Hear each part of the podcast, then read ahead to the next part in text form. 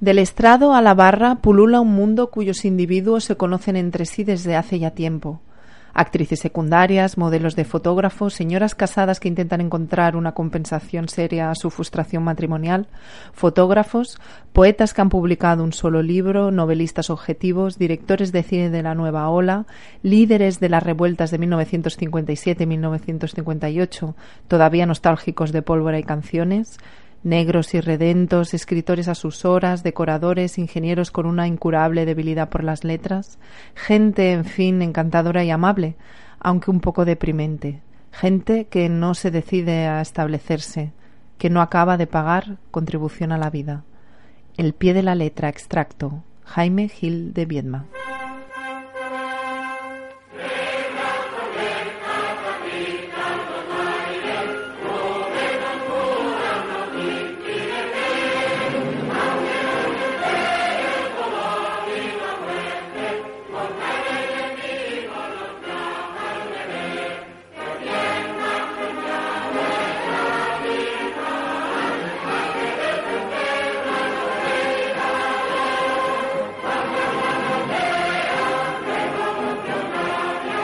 Pues sí, hoy desde nuestro programa, desde Barcelona Mesburrona, vamos a hablar de la Barcelona canalla.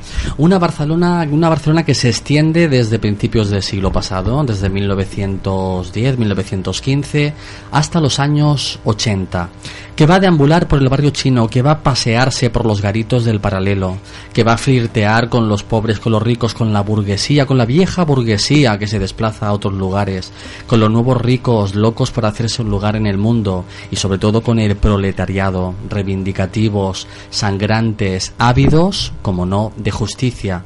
Hoy vamos a hablar de la Barcelona profunda, de las Barcelonas profundas, de la Barcelona canalla. No se lo pierdan hoy aquí en Radio Trinijova. Barcelona más burrona. Los latidos de la ciudad.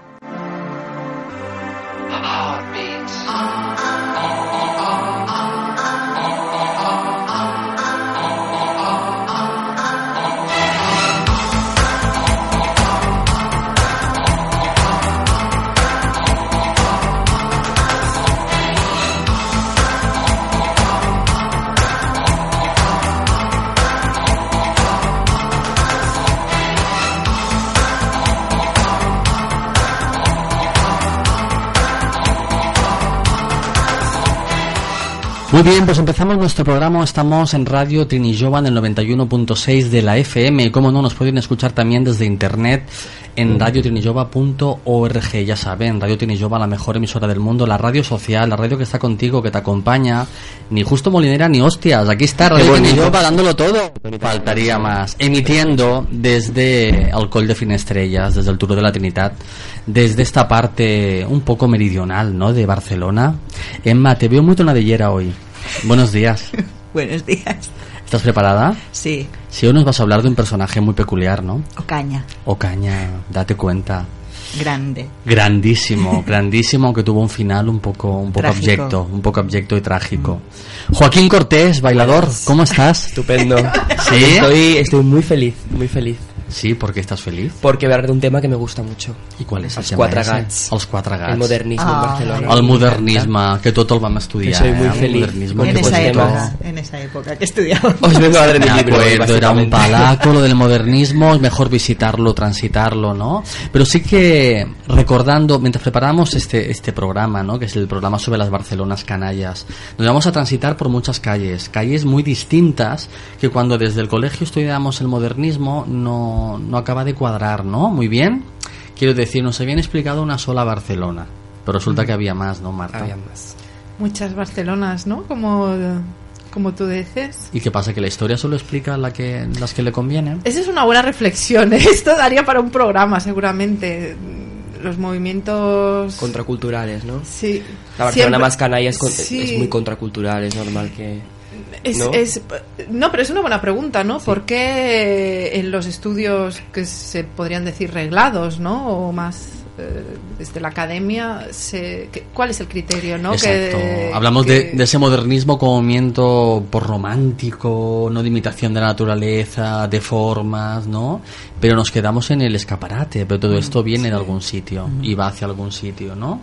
O sea, no deja de ser un movimiento mm, espoleado desde la burguesía, en cierta Sí, manera. ¿eh? a menudo se queda en las artes plásticas, ¿no? Ujú. Y en realidad no, no se sumerge, ¿no? En, eh, al final el, el producto, ¿no? El, el- obra de arte... En la dimensión social, yo creo claro, que es la que es se deja mucho de resultado de, de justamente eh, de esa mm, simbiosis entre artistas y esa realidad, ¿no? Que, Una simbiosis como la de Marta, que hoy va vestida también con un traje de. Faralay azul. Y es su que- cumpleaños. y que aprovechamos para, bueno, para felicitar esos, esos magníficos años eh, que cumple hoy. Sí. Gracias. 35, Guapísima. 35 abriles. 35 de abril. Bueno, febrero serían, ¿no? Sí, en este caso febreros, pero bueno, ¿no? Pero lo que tú quieras, ¿no? Lo que- Está muy cookie, ¿eh? Pues Sí. un placer que los traigas. muy 35, guapa. 35 vueltas al sol, ¿no? Qué bueno. Oh. Me ha dicho es, que he llegado a la radio con esta información esencial Para en tu el- vida, para mi vida para en el día vida. de hoy, que es que eh, la semana que viene entramos en eclipse ¿De Piscis? de Piscis. ¿Qué me dices? Marta es Piscis, como todos sabéis, si no ya os lo digo yo. Y va a entrar Marta, va a eclipsar, por lo tanto va a ser No maravilloso. me lo puedo creer, Sí. es increíble. Y Marta nos va a hablar de muchas cosas, pero entre ellas del movimiento punk o punk, ¿no? Exacto. O sea que también es toda una contrarrevolución. Para mí un descubrimiento ha sido un, un reto, ¿eh? Mm. Bueno, acompañada, por supuesto, por ti.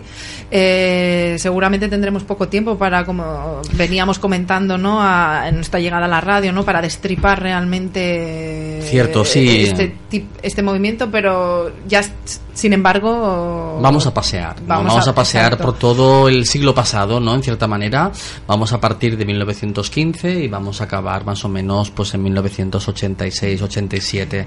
Entonces vamos a hablar de esa Barcelona canalla, mm, diversa.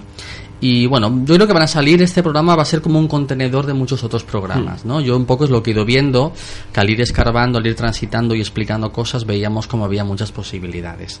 Vamos a hablar sobre la Barcelona de Jean Genet, de principios del siglo pasado, sobre la creación del paralelo, sobre el inicio de una Barcelona libertaria, ¿eh? sobre ese modernismo, sobre los quatre gats, sobre las, sobre las vanguardias de la primera mitad del siglo XX. Vamos a hablar de la Gauche Divine, ¿no? Según Ortega y Gasset. Me encanta. Eh, una serie de personajes de, de la esfera barcelonina pues tenían una serie de rasgos comunes como para constituir una propia generación. Eh, vamos a hablar también, bueno, al racó de la tieta Emma nos va a hablar de Ocaña como un personaje muy concreto, sobre todo lo situamos en los años 70, ¿no? Entonces en una España un casposa que tiene que salir de la dictadura, ¿no? Y aún donde se cuecen muchas libertades. Hay una serie de jornadas libertarias que vamos a citar en donde el movimiento anarquista decide retirarse de la democracia y del panorama y del panorama político, ¿no? Pero son momentos muy muy muy importantes y quizá dejados y olvidados de la mano de no Dios. Y seguiremos entrando en el movimiento punk, ¿vale? Que si queremos recorrerlo un poco por encima, pero ver un poco cómo es el antisistema, cómo cómo empieza y cómo y cómo termina. Pues hoy todo esto y más, como no, en, en nuestra Barcelona Mesborrona. Queremos dar un saludo a nuestro técnico Kikus, que hoy no estará con nosotros por indisposición. Oh. Entonces le vamos a enviar muchos, muchos besitos. Él quería venir igualmente, pero no lo hemos dejado. Y seguramente nos estará escuchando si nos ha quedado frito ya. Kikus, pues va por ti. Esperemos que esto suene bien. Y saludamos a María. María, buenos días. María será nuestra técnica. Bueno, técnico o técnica, ¿cómo prefieres que te llamemos? Técnica. Técnica. Pues nuestra técnica de honor que nos va a acompañar en este programa está en prácticas aquí en la Fundación Trini Jova y encantados de estar contigo. ¿Dispuesta a ser una canalla con todos nosotros? Sí. Muy bien. Muy pues bien. vamos, si os parece, vamos a cerrar los ojos y vamos a imaginarnos en esas luces amarillentas por la noche temblorosas que tililean por las calles sinuosas de nuestro Raval. Empezamos.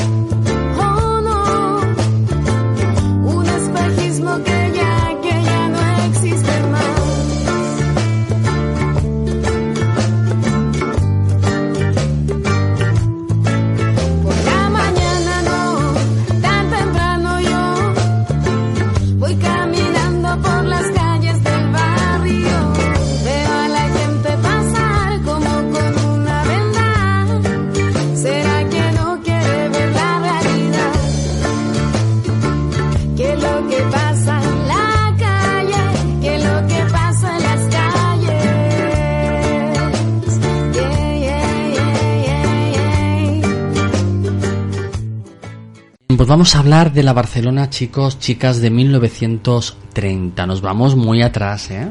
Vamos a hacer un recorrido a una velocidad vertiginosa durante es- estas dos horas. Y vamos a hablar de un personaje muy curioso, un personaje real, Jean Genet, escritor, novelista, dramaturgo y poeta francés, cuya obra expresa una gran rebelión contra la sociedad. La Emma me asiente con la cabeza. Sí. No sé si habéis leído, habéis curioseado alguno de sus libros, pero Diario de un ladrón es justamente un libro en donde él relata esa Barcelona que él se encuentra. Acaba pues aquí, bueno, transita por Sevilla y por Barcelona en los años 30 y mal vive desde la prostitución, ¿no? Y desde pequeños robos, ¿no? Una, encuentra una Barcelona mugrienta. Vamos a, vamos a centrarnos primero un poco en el, en, en el, en el propio autor. Nació en París el 19 de diciembre de 1910, de madre, de padre desconocido. Su madre, una joven prostituta, lo entregó a la asistencia pública a la edad de un año, permaneciendo allí hasta los ocho años, según la biografía de Edmund White. Bueno, durante su periodo escolar fue un alumno pues muy aventajado, de altas notas, pero sin embargo su vida en esos primeros años está plagada de intentos de fuga y de, y de ciertos episodios sórdidos y escabrosos. Finalmente, bueno, pues se engancha a la vida militar, acaba de forma súbita tras ser declarado culpable de realizar actos impúdicos, fue atrapado manteniendo prácticas homosexuales con un, con un compañero y a partir de ese momento pues prosigue sus andanzas como vagabundo, ladrón y chapero por toda Europa y es lo que escribe en Journal du Boulot, eh, Diario del Ladrón, publicado por París, por Gallimard en el año 1949. Y nos centramos en esta época, en este momento, en esta Barcelona que él, que él se encuentra. No sabemos si Genet realmente lo que hace es exagerar un poco todo lo que le pasa, ¿eh? Pero realmente es una Barcelona absolutamente, bueno, como como la de la picaresca, ¿eh? como la que podemos encontrar en una novela picaresca, pues de pues de Cervantes, ¿no? En un artículo Juan Goitisolo nos dice que la prostitución, el robo, la miseria y las humillaciones formaban parte de la cotidianidad en el barrio chino de Barcelona. En los años 30 que Jean Genet narró de manera descarnada en el libro que ya les anunciábamos. Eh, en 1932 España estaba cubierta entonces de vagabundos. Sus mendigos iban de pueblo en pueblo por Andalucía en razón de su buen clima o por Cataluña por su riqueza, pero por todo el país. Fue así como un piojo, un piojo con conciencia de serlo. Él dice, el propio Genet, que en Barcelona frecuentamos so- sobre todo la calle Mediodía y la del Carmen. Nos acostábamos a veces seis en un jergón sin sábanas y al amanecer íbamos a pordiosear por los mercados. Salíamos en la banda del barrio chino y nos dispersábamos con un capacho bajo el brazo, pues las amas de casa nos daban más bien un puerro o un nabo que unos céntimos. A mediodía regresábamos y nos hacíamos la sopa con lo recaudado. O sea, daos cuenta qué pobreza, qué miseria y cómo él desde esa miseria escribe un discurso, una estética pues que funcione, ¿no? De lo feo como sublime, ¿no? Él dice que los piojos que se encuentra en su cuerpo son como las joyas que, que, que- que, bueno que, que- que pueden que pueden engalanar pues a una gran dama no entonces él su miseria la esgrime como algo hermoso como algo hermoso no Eh, caído en la abyección, Genet decidirá asumirla y convertirla en virtud suprema. La escala de valores de la sociedad bien pensante no será la suya, sino que justamente le dará la vuelta y transmutará lo noble en vil y lo vil en noble. Estamos hablando de esa Barcelona donde está la vampiresa del Raval también, ¿eh? Ah, sí. Estamos en una Barcelona muy pobre. Las fechas en las que Genet está en España tampoco podemos saberlas muy bien con mucha exactitud, pero sí que dirige una carta a André Gide el 12 de diciembre del año 1933 en la que le dice estoy sin un céntimo en Barcelona. El cónsul es intratable, soy huérfano y vagabundeo de tasca en tasca y en el que le pide ayuda, le da como apartado de correos pues el genérico de la ciudad. No sabemos si obtiene respuesta o no, pero es cierto que después cuando Janet pasa a Francia y acaba en la cárcel, gracias a Git y gracias a Cocteau, pues eh, consiguen sacarlo de la cárcel, rescatarlo y empujarlo pues justamente en, en- en toda esa carrera literaria, ¿no? Y él habla un poco pues de ese barrio chino, de ese paralelo, eh, nos dice que detrás del paralelo se extendía un solar en el que los marginados jugaban a cartas. El paralelo, explica él, es una avenida de Barcelona paralela a las célebres Ramblas. Entre estas vías muy amplias, un laberinto de calles estrechas, oscuras y, socias, y sucias forman el barrio chino. Con estas palabras más propias de una guía de turistas, Genet nos introduce en lo que será para él en adelante su territorio moral, el del robo, el de la prostitución masculina, traición, humillaciones, miseria, vinculado para siempre a España y a su iniciática experiencia, ¿no? Aparte es una experiencia, la de Genet, que otros van a replicar más tarde y que van a configurar toda una poética de, de- de esa segunda etapa de la cultura gay aquí en España, ¿no? Bueno, súper curioso el libro, muy aconsejable, todo el mundo que lo quiera leer. Y vamos a adentrarnos un poquito en el, en el barrio chino, ¿no? El Raval que es, como dice la palabra, ¿no? El Raval es fuera de las murallas, ¿no? Las ciudades empiezan a crecer, necesitan extender sus tentáculos y ahí como pueden van extendiéndose. ¿no? Es algo muy mediterráneo, ¿no? El, el Raval. eh, Sí. ah, el- generalmente en las ciudades mm, de la costa mediterránea existe un, un Raval. Sí. Desconozco si también en, por ejemplo, en Viena, eh, las, las que conozco mm, más centroeuropeas sí que no, No lo que sé, no lo hay no o, no, o, o no se le llama así. O no la- sabría decir, el pero no el nuestro sido- es muy peculiar porque conserva una estructura muy del, del 17, 18, 19, Mm, ¿no? sí. Entonces con esos edificios, vigas de madera, ¿no? Y, y con todo ese ejercicio que han hecho las autoridades para poderlo esponjar. De hecho, hasta, hasta el Plaza Ardá no se, no se tocó, ¿no? Es decir, realmente nos llega casi intacto, ¿no? Hasta, siglo, hasta el siglo XIX el Raval llega tal cual, tal y como creció, tal y como surgió, ¿no? Y también los barrios de la Ribera, Santa Catarina, se mantienen intactos hasta que se crean esas avenidas paralelas y perpendiculares, ¿no? Pues cierto, cierto.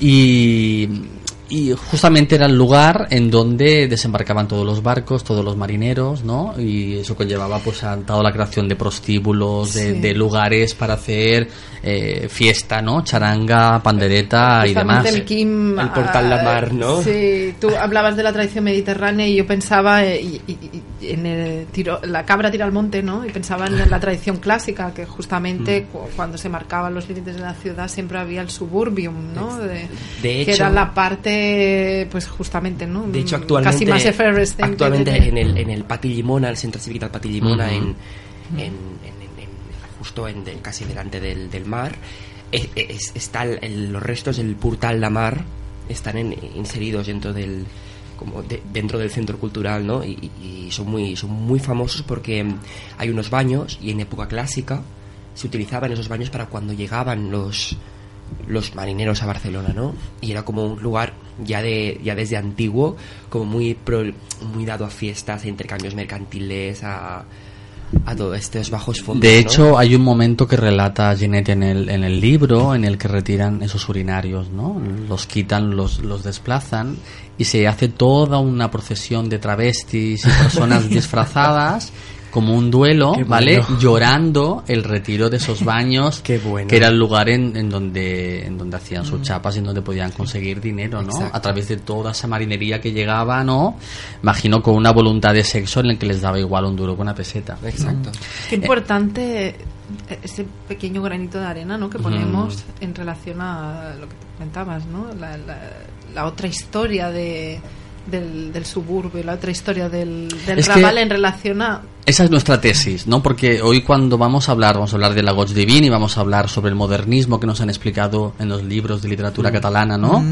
Pero está la otra parte también, ¿no? La Barcelona anarquista, la Barcelona libertaria, la, Bar- la Barcelona que se esgrime desde el, Son pro- dos discursos. desde el proletariado. Ca- casi casi ¿Eh? paralelos, ¿no? Exacto. Es decir, es una obertura, desde pero esa, con unos valores muy desde esa clase nueva, ¿vale? Que son los pobres, ¿no? Porque la clase media es un gran invento, ¿no? Pero en aquel momento éramos o eran los pobres, ¿no? Que justamente se miran en la burguesía, intentan replicar de manera cutre lo, lo- lo que la burguesía hace, pero en otros garitos, ¿no? Luego llegamos a un momento en el que los grandes ricos o los que han explotado y han tenido han tenido esclavos y han ido a robar a todos los países y más, ¿no? Eh, está de moda ir a lugares pobres y cutres, ¿no? Para encontrar lo auténtico y es cuando ya hablaremos, la Goch Divin, Gil de Viedma y esta gente, pues van a estos garitos a explorar esa autenticidad, ¿no? O sea, todo esto se escapa un poco de, de- de ese modernismo que nos han explicado, un poco aciago, un poco... Pero tam- también es muy curioso porque hay una parte muy desconocida ¿no? de la producción artística modern- del modernismo. Hay, hay obras, hay pintores que, que re- por ejemplo, hay un cuadro que me viene a la cabeza que es una pintura de, de las puertas del liceo, ¿no? De cuando las damas están entrando a- al liceo. Es un cuadro, son cuadros encargados por la burguesía para decorar sus casas, ¿no? Pero habían pintores que no estaban de acuerdo con, con esa situación social y te plantaban en el cuadro un pidulaira, alguien bebiendo en la calle, alguien tirado, alguien vomitando en la calle, y los burgueses se lo comían con patatas y lo colgaban en el comedor. Y tenían las damas de la familia en la puerta del liceo y en una esquina tenían un. Pues hay algún momento borracho. en el que esa pobreza se convierte en estética, ¿no? También Janet habla como venía gente de otros países en cruceros, me imagino como muy como muy iniciáticos, ¿no? Y fotografiaban toda esa tristeza, se la llevaban a casa, ¿no? Un poco como hacemos nosotros cuando vamos a India, vamos a a Claro, ¿eh? es, es sí. lo mismo, ¿no? Nos, Pero si os parece, fotos- volvemos al Raval. El barrio chino mm, fue el nombre más afortunado, menos afortunado que a partir de los años 20-30 pues se impuso por algunos autores como Francisco Madrid, Juli Barbichana, Sagarra, ¿no? Entonces el barrio chino era un apodo que tenía que ver con aquellos barrios de Chicago, de Nueva York y, de, y del otro lado del charco. Eh, todo estaba lleno de locales como muy emblemáticos, ¿no? Justamente pues en esa zona. Eh, podemos hablar de la taberna La Mina, en la calle Arco del Teatro, los cabarets Excelsior en la Rambla del Centro, La Criolla en la calle Cid o Villarrosa en- también en la calle Arco del Teatro. Este último famoso por sus espectáculos de flamenco. También podemos hablar del Music Hall eh, Eden Concert en la calle No de la Rambla, que es una calle que se, que se abre para esponjar un poco, ¿eh? para intentar hacer el suburbio pues menos, menos suburbio. Y aparte de los, de los burdeles muy conocidos como Madame Petit o Chalet del Moro, eh, después de la Guerra Civil también salen otros como la Bodega de Bohemia o el Bar Pastis, ¿no? Todos estos garitos un poquito por todas partes. Cabe decir que este distrito 5, que era el nombre que tenía, el distrito, el distrito quinto, llamado barrio chino, era considerado como uno de los barrios más peligrosos de toda la ciudad. Hay una lectura muy interesante que aconsejamos a nuestros radio oyentes, Historia y leyenda del barrio chino de Paco Villar, donde se nos explican muchísimas cosas. Con el tiempo, el Raval, tengo la peluca que me está dando un calor terrible, ¿eh? Es que nos tendríais que ver. porque nos ya no, las hacen, que ver. ya no las hacen de pelo humano, las hacen de... Viva China, viva China es tu mujer y su hombre. El barrio chino. Con el tiempo, el Raval se fue transformando en una zona plenamente industrial. Se empiezan a construir masifi- masificadamente muchas viviendas, no empiezan a abrirse fábricas, ¿no? Eh, donde los obreros trabajan y viven y proliferan, obviamente, tabernas, cafés y más prostíbulos. Todos ellos concentrados en la calle Trencaclaus, Arco del Teatro y sus alrededores, ¿no? Entonces vemos cómo ese Raval se va transformando un poco más industrial y cómo va cambiando. Eh, tenemos también al otro lado, como nos decía Jeanette, paralelo a la Rambla, el paralelo, ¿no? Una calle barcelonesa de apenas dos kilómetros que se convierte, como dicen, en la mayor concentración de espectáculos por metro cuadrado, no por su número, del mundo durante los años que van desde el inicio del siglo XX hasta el estallido de la guerra civil en el año 36. Este mundo que se ha olvidado tuvo una exposición hace poco, ¿no? No sé cuánto hace, pero en el Centro de Cultura Con- Contemporánea hubo una exposición que justamente pues nos hablaba de, de- de todos estos garitos, ¿no? Eh, aunque, aún quedan algunos, ¿no? Podemos citar Victoria, el Apolo, el Condal, ¿no? Además del Nuevo Molino del antiguo Arnau. Pero es muy interesante ver cómo esta calle se inaugura en el año 1894 como Avenida del Marqués del Duero y empezaron entonces a abrirse algunos locales precarios donde se cantaba flamenco y después cuplés. O sea, son los años de gloria que tiene el paralelo, ¿no? Donde va emergiendo todo este mundo pues de espectáculo, donde nace una nueva cultura popular hecha de canciones y revistas, cuplés y espectáculos, donde juntarán el melodrama con, atención, las inquietudes sociales. Recordemos las fábricas, los obreros que viven en esta zona. Y muchas de estas inquietudes sociales o movimientos anarquistas se reunían, se sentaban, ¿no? como el Noy del Sucre, en determinados cafés como el Café España a conversar y a poder esgrimir ya discursos, ¿no? La vieja burguesía que se había enriquecido con las fábricas y las colonias se refugiaba en la Rambla, se refugiaba en el liceo, en el Teatro Nuevo, los nuevos teatros y las salas que abren en el Paseo de Gracia. Y los nuevos ricos también luchaban para entrar en esos círculos, ¿no? Al tiempo que los obreros frecuentaban los espectáculos del paralelo, donde autores desconocidos Letristas y escritores de ocasión construían piezas burlescas, números de cabaret, torrentes de canciones, pero donde también algunos escritores burgueses exportaban sus melodramas, como es el caso de Rosiñol o Guimerá. Empezamos a tener ciertos contactos, ¿no? Entre la burguesía o los hijos de la burguesía, ¿no? Los hijos de los esclavistas necesitan hacer más amagos intelectuales que sus padres, que también los hicieron, pero en otro sentido. En otros- Y con esa fortuna amasada empiezan a explorar, algunos más para mal y otros más para bien, Yo, ¿no? yo pero una, una anécdota del paralelo que, mm, que me contaron un, me contó un, un compañero, ¿no? De que, que es- está especializándose en historia de, de la ciudad. Ujú. Eh, encontraron en un haciendo un poco de documentación en el Teatro Arnau ahora se, se guarda se guarda una- un archivo documental muy importante sobre la, la historia de Barcelona y sobre todo del, del paralel y se encontró en un creo que era en el, en el Heraldo de Gracia que no tiene ese nombre la revista la publicación de Gracia ahora no recuerdo la Campana de Gracia en la Campana de Gracia y en la Vanguardia se encuentra un anuncio que pone em, necesitamos aproximadamente creo que ponía 2.000 ataúdes motivo apertura de un bar en Barcelona. Entonces mi compañero fue tirando del hilo, fue tirando del hilo y descubrió que durante unos años en el paralelo se abrió un bar que recreaba un bar parisino, igual que pasa con los Quatre Gats y el Chat Noir, eh, que recreaba un bar parisino en el cual los cócteles era pus negra, sangre y vísceras, era todo decorado con ataúdes. Es decir, cómo esas tendencias llegan desde, sobre todo desde Francia, desde París en este caso, y se instalan en el paralelo. Es un lugar súper permeable a, yo creo que es como muy un lugar que recibe estas novedades, que quizá la parte, como, como comentaba Tony, de la Rambla, del, de Paseo de Gracia era un poco más estática, pero el paralelo era como... Sí, era el lugar donde, donde confluían, ¿no? Exacto. Confluían obreros con intelectuales y con y con y, y con burgueses que Me tenían ganas de explorar el arte y de y de buscar lo auténtico, Este bar ¿no? tan macabro, ¿no? Sí que hablamos, estamos en los años 30, 40, luego este fenómeno se repite un poquito más tarde durante algunas décadas más, ¿no? Pero bueno, es el empeño de las muchedumbres obreras que buscaban un lugar en el mundo y que se miraban en el espejo deformado de la burguesía catalana. Una burguesía avarienta, explotadora, voraz, insensible, y que encontraron acomodo en los cafés y los escenarios donde empresarios avispados como Josep Carabén, Josep Tarrés, Ricardo Soriano y otros vieron la oportunidad de ganar dinero con la noche. ¿no?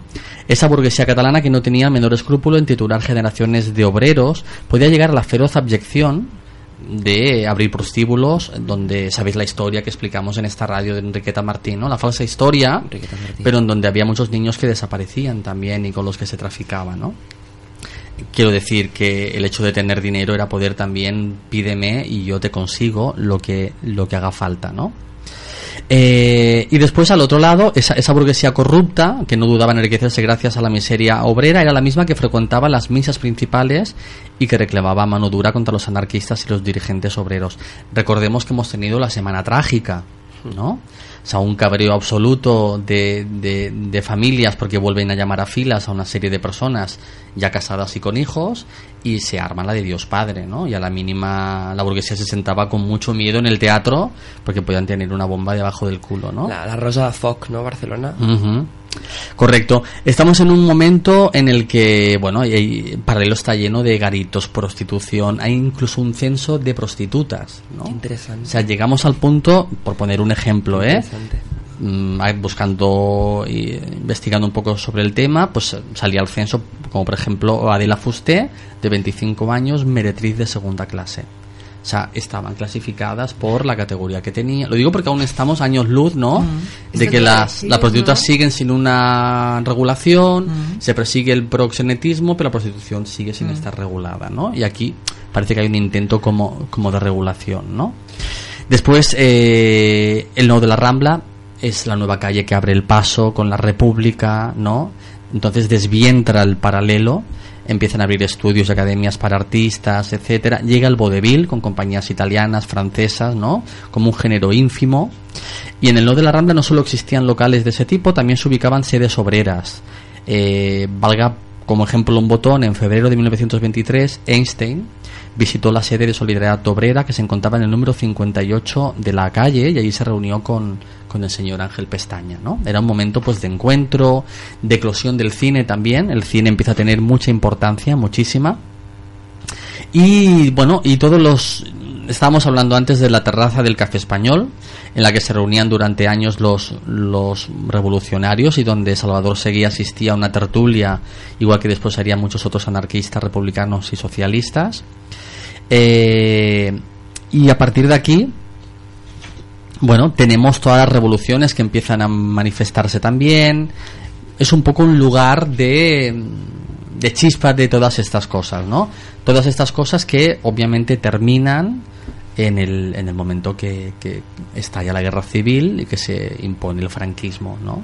Entonces hay una hay una censura absoluta por todo lo que por todo lo que suene a intelectualmente obrero todo lo que tenga que ver con, con todos esos movimientos de intentar cambiar el mundo no o sea estamos en estos primeros años principios de siglo y vamos a respirar un poco porque vamos a dar un salto un salto importante para hablar de esa otra parte, ¿no? De esas corrientes que llegan de Europa, de ese modernismo, ¿no? Sin perder de, sin perder de vista toda esta chispa obrera que se está fraguando.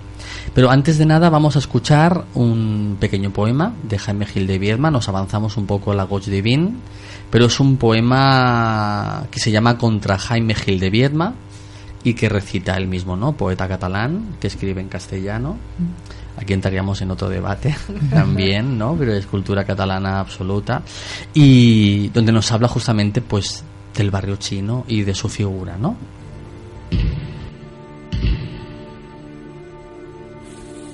Contra Jaime de Viedma. ¿De qué sirve quisiera saber cambiar de piso? Dejar atrás un sótano más negro que mi reputación, y ya es decir, poner visillos blancos y tomar criada, renunciar a la vida de bohemio, si vienes luego tú, pelmazo, embarazoso huésped, memo vestido con mis trajes zángano de colmena, inútil, cacaseno, con tus manos lavadas, comer en mi plato y ensuciar la casa. Me acompañan las barras de los bares últimos de la noche, los chulos, las solistas, las calles muertas de la madrugada y los ascensores de luz amarilla cuando llegas, borracho, y te paras a verte en el espejo la cara destruida, con ojos todavía violentos que no quieres cerrar. Y si te increpo, te ríes, me recuerdas el pasado y dices que empecé. Podría recordarte que ya no tienes gracia, que tu estilo casual y que tu desenfado resultan truculentos cuando se tienen más de 30 años y que tu encantadora sonrisa de muchacho soñoliento, seguro de gustar, es un resto penoso, un intento patético, mientras que tú me miras con tus ojos de verdadero huérfano y me lloras y me prometes ya no hacerlo si no fueses tan puta. Y si yo no supiese hacía tiempo que tú eres fuerte cuando yo soy débil y que eres débil cuando me enfurezco, de tus regresos guardo una impresión confusa de pánico, de pena y descontento, y la desesperanza, y la impaciencia, y el resentimiento de volver a sufrir otra vez más la humillación imperdonable de la excesiva intimidad. A duras penas te llevaré a la cama, como quien va al infierno para dormir contigo muriendo a cada paso de impotencia, tropezando con muebles a tientas, cruzaremos el piso torpemente abrazados, vacilando de alcohol y de sollozos reprimidos. Oh innoble servidumbre de amar seres humanos, y la más innoble que es amarse a sí mismo.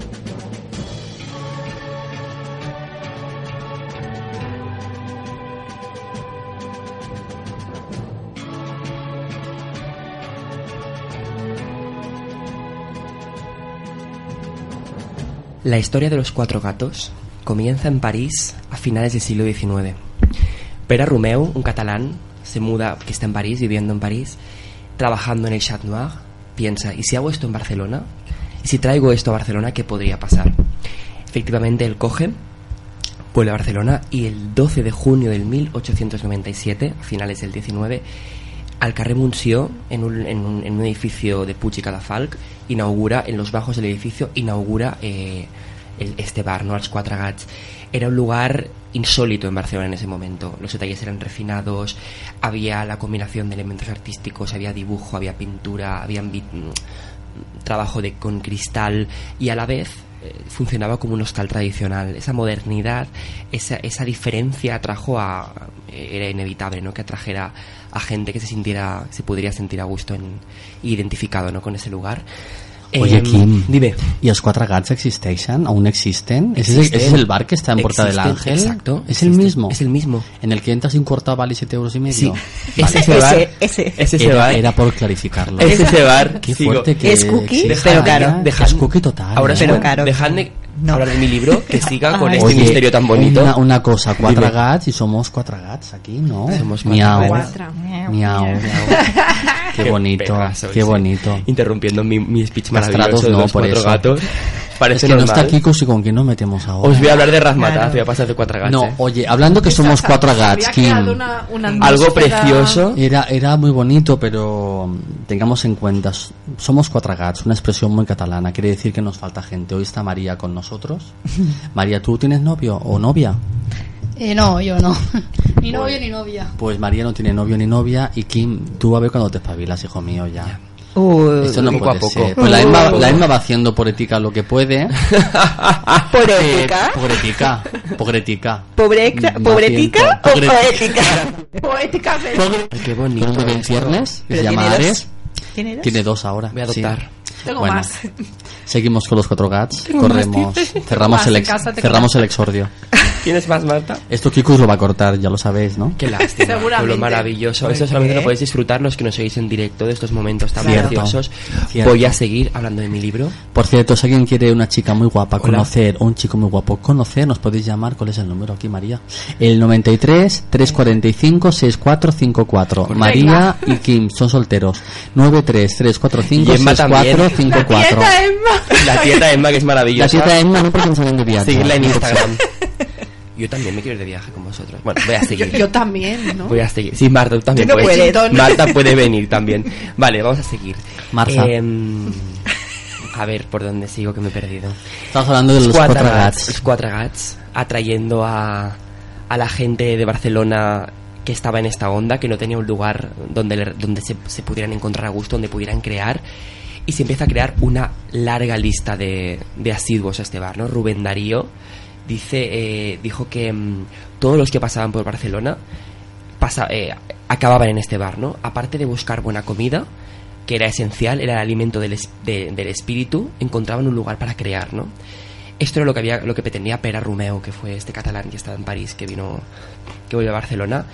En este, en este local se hacían charlas, se hacían simposiums, se marionetas chinas, se pintaba, se dibujaba, se escribía, se comía, se comía muy bien. Dicen que se comía muy bien en Squatre Gats. Eran unos pijos, tío. Eran todos, Yo, un- yo iba a decir. eran todos ¿qué unos pijos. Eran unos pijos. Pero, pero, no, no, no. Eran unos pijos. Más, más que unos pijos, Estoy de una narco. estaban, eh, María, estaban, crea- Tú vienes del suburbio y, no vengo- estás vengo dejando. de una narco. más que, Oh, más que fatal, unos ¿eh? pijos, más que unos pijos, eh, estaban inten- intentando crear un lugar donde ellos estuvieran a gusto, ¿no? Es decir, Snobs. eran, eran personas Snobs, que sí. eran personas Quedaros- creativas, creadoras, que Pero no date cuenta lugar, como ¿no? en paralelo, nunca mejor dicho, estaban pasando cosas. Claro, por supuesto. A menos de pero era un lugar donde, donde ellos no se, se- no se sentían reflejados. Vale, ¿no? no te y este, este, este recoge esos elementos y ellos se sienten a No te gusto. interrumpimos. Gracias. En el, en, eh, aparece Ramón Casas, pinta carteles, Picasso hizo su primera exposición, en, en el, eh, empezó a frecuentar el lugar y hace su exposición en la sala grande de los Cuatro Gats, que hoy en día es una sala de para comer, ¿no? Es un comedor. Eh, con 17 años hace esta primera exposición. Tenemos a, tenemos a, Ramón Casas, tenemos a Picasso, estos nombres, ¿no? De, de mediados del siglo, finales del siglo XIX en Barcelona. Eh, Tengo una anécdota, creo, sobre cuenta, esto, cuéntanos. pequeña, muy rápida. Eh, uno de los primeros dibujos de, de Picasso, no sé si se, se la expuso- carta de... Sí, en ese, en ese momento es eh, dibujó, Picasso dibujó a- al bisabuelo de, de mi hija ¡Ay, qué guay! en, en, en carboncillo y es una de las, de las obras ah, figurativas, Que está ¿no? en El dibujo de, de- de la primera etapa de ese Picasso. Me encantan las anécdotas A mí también. Me Ay, Marta, además- andes vestida de gitanilla en Trinidad Bella, cariño, con esa, con ¿eh? esa imagen. Estoy preciosa, estoy flamenca porque... Mira, si te viera tu padre y tu madre estarían orgullosos. Ya. Claro. Justo Molinero, no me la fiches, es nuestra, es de Radio Trinijova. 3.000 euros y es tuya, guapo. Eh, bueno, Picasso Mil para María. di- dibuja la carta dels Quatre Gats, es quien, la, quien dibuja la portada de la carta, ¿no? Es decir, es como... Es un negocio, ¿no? Que monta Pera Romeu, pero esta gente se siente tan a gusto en ese lugar que lo hacen a su medida. Hacen cuadros, cuelgan los cuadros, dibujan la carta, ¿no? Es como un poco Están como, allí cada tarde, Como un club social. ¿eh? sí, Quedaros, están allí es, cada es muy tarde. importante lo que estás explicando, Mm. Kim, porque eh, lo retomaremos eh, con el fenómeno de la Gauche Divina. O sea, eh, estás como suscribiendo Es- es algunas bien, imágenes. eh, algunas- realmente eh, es, es un fenómeno muy, no voy a decir común, ¿no? Pero es, es como, es un procedimiento muy habitual, ¿no? El hecho de se crea una nueva una nueva ola, una nueva tendencia, buscan un lugar donde encontrarse, Necesitan, donde ¿no? asociarse, Ese- necesitan, ¿no? De la comunidad para crear, para hablar, para discutir y un lugar al cual adscribirse. Un lugar a- al cual ellos identificarse, ¿no? Como su cuartel general, ¿no? Como un laboratorio de ideas. Exacto, pero hecho, y aparte com- también como algo muy antropológico, ¿no? muy del, del, del grupo. Estoy de acuerdo. Del grupo, ¿no? De Mm. sentirse miembros de algo. sí. Exacto. Y en este de- caso son los Quatre Gats. Eh, en este lugar también apareció Isaac Albéniz, Enric Granados, Luis Millet, Gaudí, Opiso. eh, era, era, era, un, era un, un- un lugar efervescente ¿no? de, de creación. Eh, En las calles de Barcelona se, se decía que se impregnaba de la, de la bohemia de los Quatre Gats y que hoy en día que hoy en día dicen que se puede respirar aún esa bohemia cuando pasas por delante de los Quatre Gats, ¿no? Lo que fue ¿no? ese lugar eh, es, es precioso. Pera Romeu eh, era, era negociante, sí, evidentemente, ¿no? Como buen catalán tenía, era un hombre de negocios. Aún así, se dice, se dice que él nunca negaba la entrada a nadie a los Quatre Gats. No negaban la entrada a la gente a los Quatre Gats. Y si no tenían dinero para tomar un café, no les hacían limpiar los platos. Te tomabas un café, si no tenías dinero te ibas, te lo perdonaban. Era como, Como una- ahora, ¿no? Como una bene- igualito que ahora, igualito que ahora. Eh, a- Pere Romeu se, se siguió dedicando al automovilismo y finalmente murió de tuberculosis, murió muy pobre Pere Romeu, ¿no? Porque no tenía como esa ambición económica, ¿no? Tenía Ese- corazón. avaricia. Tenía corazón. ¿no? Demasiado corazón. Tenía demasiado corazón. Era altamente sensible. Santiago Rusiñol, también muy asiduo a ese lugar, es- escribió una... um, Es una- la florinata. Es la florinata, es- Tú querías vivir en esa época. Yo hubiera ¿eh? sido Yo súper feliz en esa veo. época. Eh, Santiago Rossinyol escribe en ese momento, dice, ese lugar pintoresco. Bueno, escribe en catalán, lo voy a traducir, no, no creo que suene igual de bien. Ese lugar pintoresco lleno de sueños que, es, eh, que asustaban el menestral. Eh, aquí esos cuadros de las paredes que las mujeres de la casa no podían ir a ver porque les gustaban demasiado. Este humo de pipas que emborrachaba, emborrachaba de ideas los que allí estaban en esa casa. Duerme en paz, amigo que te lo mereces. Solamente habías hecho el bien y no tenías pena de irte. Nosotros sí que te encontraremos, a- te, te encontraremos, te echaremos a faltar. Y en ti encontraremos una época en la que la, fa- la fantasía hacía vivir. Oh. Es el resumen, Mira, ¿no? Da- voy a llorar. Es, de menos al Kikus. es ese resumen, ¿no? De que las Kikus, cuatro favor de era dormir. Esa no fantasía, durmiendo. ese, No. esa efervescencia de que todo era posible, ¿no? De, como el, eh, el precursor, eh, como una de las partes precursoras de Barcelona, ¿no? De la creatividad. Todo era posible, ¿no? Y para esa gente, gente guapa, gente bien, con dinero, Claro. que es lo que vamos, con lo que liga, ¿no? Mucho con la Ghost Divine y con lo que luego más adelante seguiremos explicando. Es esta, esta vía, ¿no? Que surge del mismo, de la misma voluntad de, aper- de oper- de apertura, ¿no? Tan típica de Barcelona, de... Al Kim se le ilumina la cara. se le ilumina, es, muy, es muy interesante, ¿no? La, la, glosa, ¿no? De dos, como dos fenómenos que son paralelos. Es, que- es un hilo son- conductor. Sí. Es, es- nacen de un mismo lugar, ¿no? Pero con una con unas realidades sociales totalmente Por distintas. supuesto, pero que al fin y al cabo también pretenden hay lo mismo, ¿no? Y que al fin y al cabo no son insensibles los unos a los Exacto. otros, ¿no? Hay, hay un evidentemente Barcelona es una ciudad pequeña, siempre lo ha sido y sigue siendo una ciudad pequeña, ¿no? Y hay un gran intercambio entre es- Permeabilidad, Exacto, ¿no? hablando, conectando ahora con el fenómeno del modernismo, algo que es común en Europa, la, la- Nouveau, ¿no? que aquí le llamamos el modernismo, de- re- realmente es un fenómeno catalán, pero más que catalán es un fenómeno de Barcelona, ¿no? Es algo que nace en Barcelona como puerta de Europa, como lugar de efervescencia que lo ha sido siempre, ¿no? Es tan cosmopolita y nace este modernismo. Nace este modernismo y, y aparte de ser un fenómeno muy decorativo que intenta huir del arte industrial, que es lo que todos conocemos, ¿no? También tiene una parte social muy interesante, ¿no? Tiene una, tiene una concepción social, ¿no? Es lo que estamos esperando. Bastante interesante. Francesc Marriera, que es el pintor de- del que os hablaba antes, pinta estos cuadros donde mm, refleja ¿no? la sociedad de Barcelona.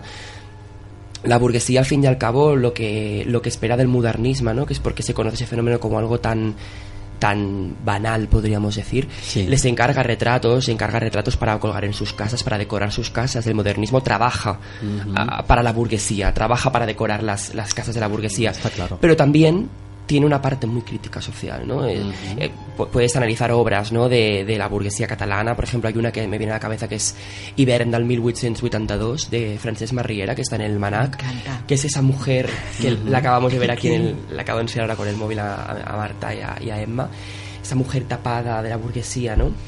Y ese cuadro, Francesc Marriera, cuando lo pinta, dice, yo pinto esta mujer, se, se lo encargó una dama, una, Una. una dama de la burguesía catalana. Una. Yo cuando pinto Una este rica. cuadro, y él quería hacerlo constar, si no se hubiera callado, yo cuando pinto este cuadro, me pregunto, ¿quién no se puede tapar así en el invierno del 1882, ¿no? Qué bonito. Y cuando pinto Pues a las no taparse. entrando en el liceo, te voy a pintar al lado el lechero llevando la leche a casa de alguien y un hombre sentado en la calle, borracho de la noche anterior, no en las ramblas. Es decir, no era un fenómeno como mucha, como se ha pintado, no muchas veces, que era ciego a la realidad de Barcelona. Sí, sí, Es, es, es inevitable realmente que las tendencias artísticas no pueden ser ciegas unas a las otras. Es cierto también lo que, como comentabas, ¿no? Es cierto que el modernismo trabaja para la para la burguesía pretende ese, ese espíritu tan romántico, ¿no? De decorar lo industrial, de decorar la miseria, de hacerla bonita, de hacerla lo que la burguesía quería, ¿no? Una ciudad cómoda, una ciudad bonita, una ciudad bella. Y el modernismo trabaja para esto, ¿no? Eh, también quería mm, quería hablaros de, de una figura de una persona que también a mí, que me gusta mucho, aparte de Francesc Marriera, que es Anton, eh, Antonio Arisa. Antonio Arisa, que es de mediados del siglo XIX, es como un previo a, a toda esta efervescencia de los cuatro gats, que al fin y al cabo es lo que os contaba, ¿no? Es no es eh, es como el huevo y la gallina, ¿no? No llega a los cuatro gats y sí, ¿no? Al llegar a los cuatro gats, a crear ese ambiente tan proli- prolif- prolive, ¿no? A la creación, aparecen creadores nuevos, pero previamente ya existían en Barcelona muchos creadores que son bastante desconocidos.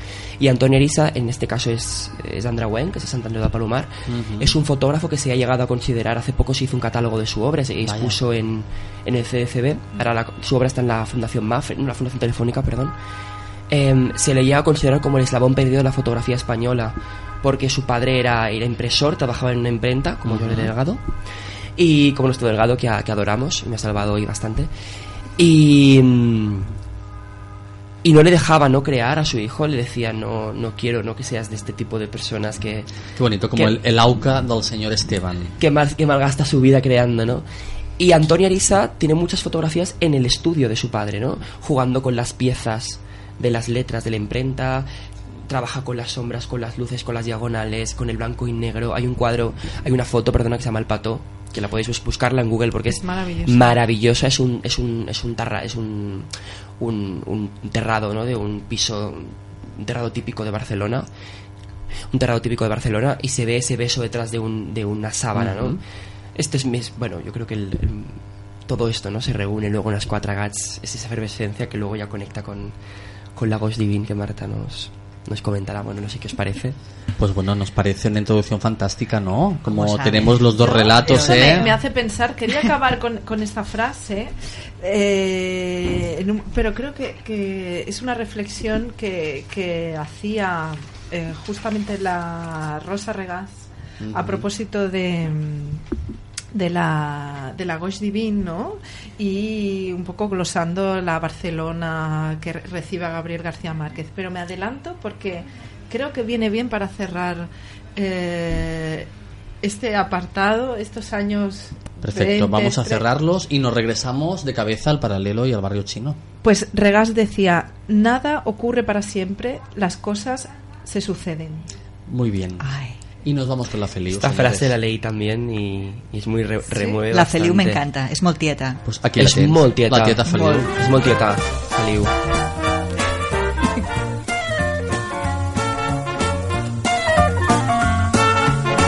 Que trobis molt bé De Catalunya. Pero sí, es la dieta. Es la dieta de todos, Nuria Feliu. Seràs feliç, amic amb tots, si vens al cabaret. Deixa els problemes que et porten pel Del, del paral·lel. Desa tots els Hi ha papers. una anècdota de la Núria Feliu, eh? Sí? Només el La renta el cabell un cop a la setmana. vida, millor. Això, Núria Feliu. Claro, sí. Con su- Es una pubilla, es como una setmana, a la pubilla peluqueria total. i es renta el Podràs cabell. No sé. brindar, Ya, Es maravillosa. podràs cantar, Hem d'anar rapideta ara. Falta Marta i Emma, perquè és... tenim la Mireia. La I no podem fer la Mireia i luego irnos a Ocaña o a... Tenim de, de fer el teu. Avui sols volem Pues quan vulguis, jo vaig baixant i tiro, eh? Pero no es la... la vida, amic, millor. Ara vas tu explicant la voz divina. Però et presento, tranquil·la, et presento.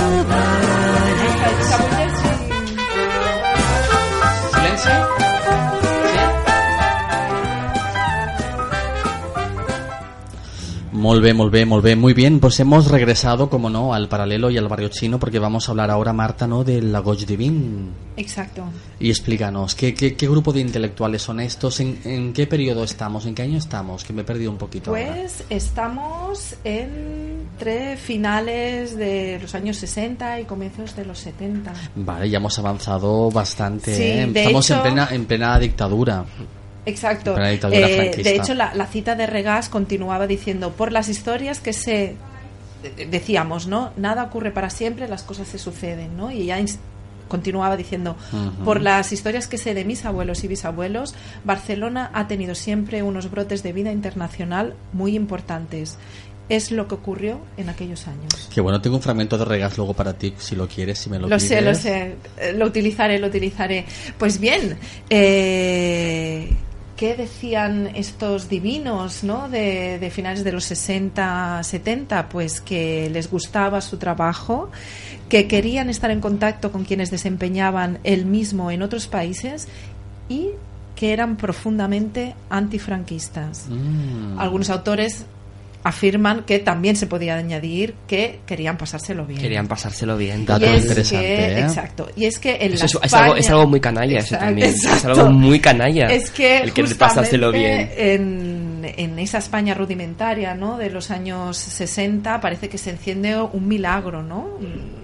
Bueno, igual es un poco exagerado, Una luz. pero una luz. Una luz me ilumina. Y es que un grupo de jóvenes catalanes cristaliza el primer fogonazo de la sociedad civil tras la guerra eh, civil del 36. Interesante. Qué bien. Ay, Nuria Feliu ha vuelto. Es que la oigo y me... Nuria Feliu no se va nunca, Me siempre está con nosotros. Es maravillosa, ¿eh?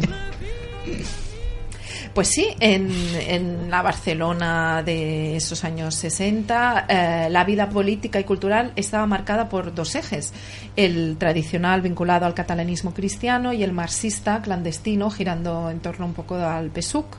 Exacto. Es en medio de esta atmósfera, ¿no? Que un poco rezumaba ese dogmatismo que eh, se enredó un grupo de gente brillante, original y que en mala hora y esto os, os explicaré luego por qué, ¿no? Eh, esa afirmación de mala hora recibió el, el nombre de, de Goix Divin, ¿no? Porque como Divin. en un artículo muy interesante de Vázquez Montalbán, él precisamente eh, apuntilla que eh, aunque el invento de esa excepción, ¿no? Ujú. Goix Divin, esa izquierda divina, es eh, en realidad un, un, un nombre que se inventa Joan de Sagarra en la presentación de, de Tusquets Editores, ¿no? En el 69, en octubre del 69, por tanto, él formaba parte de esa, de esa Goix Divin.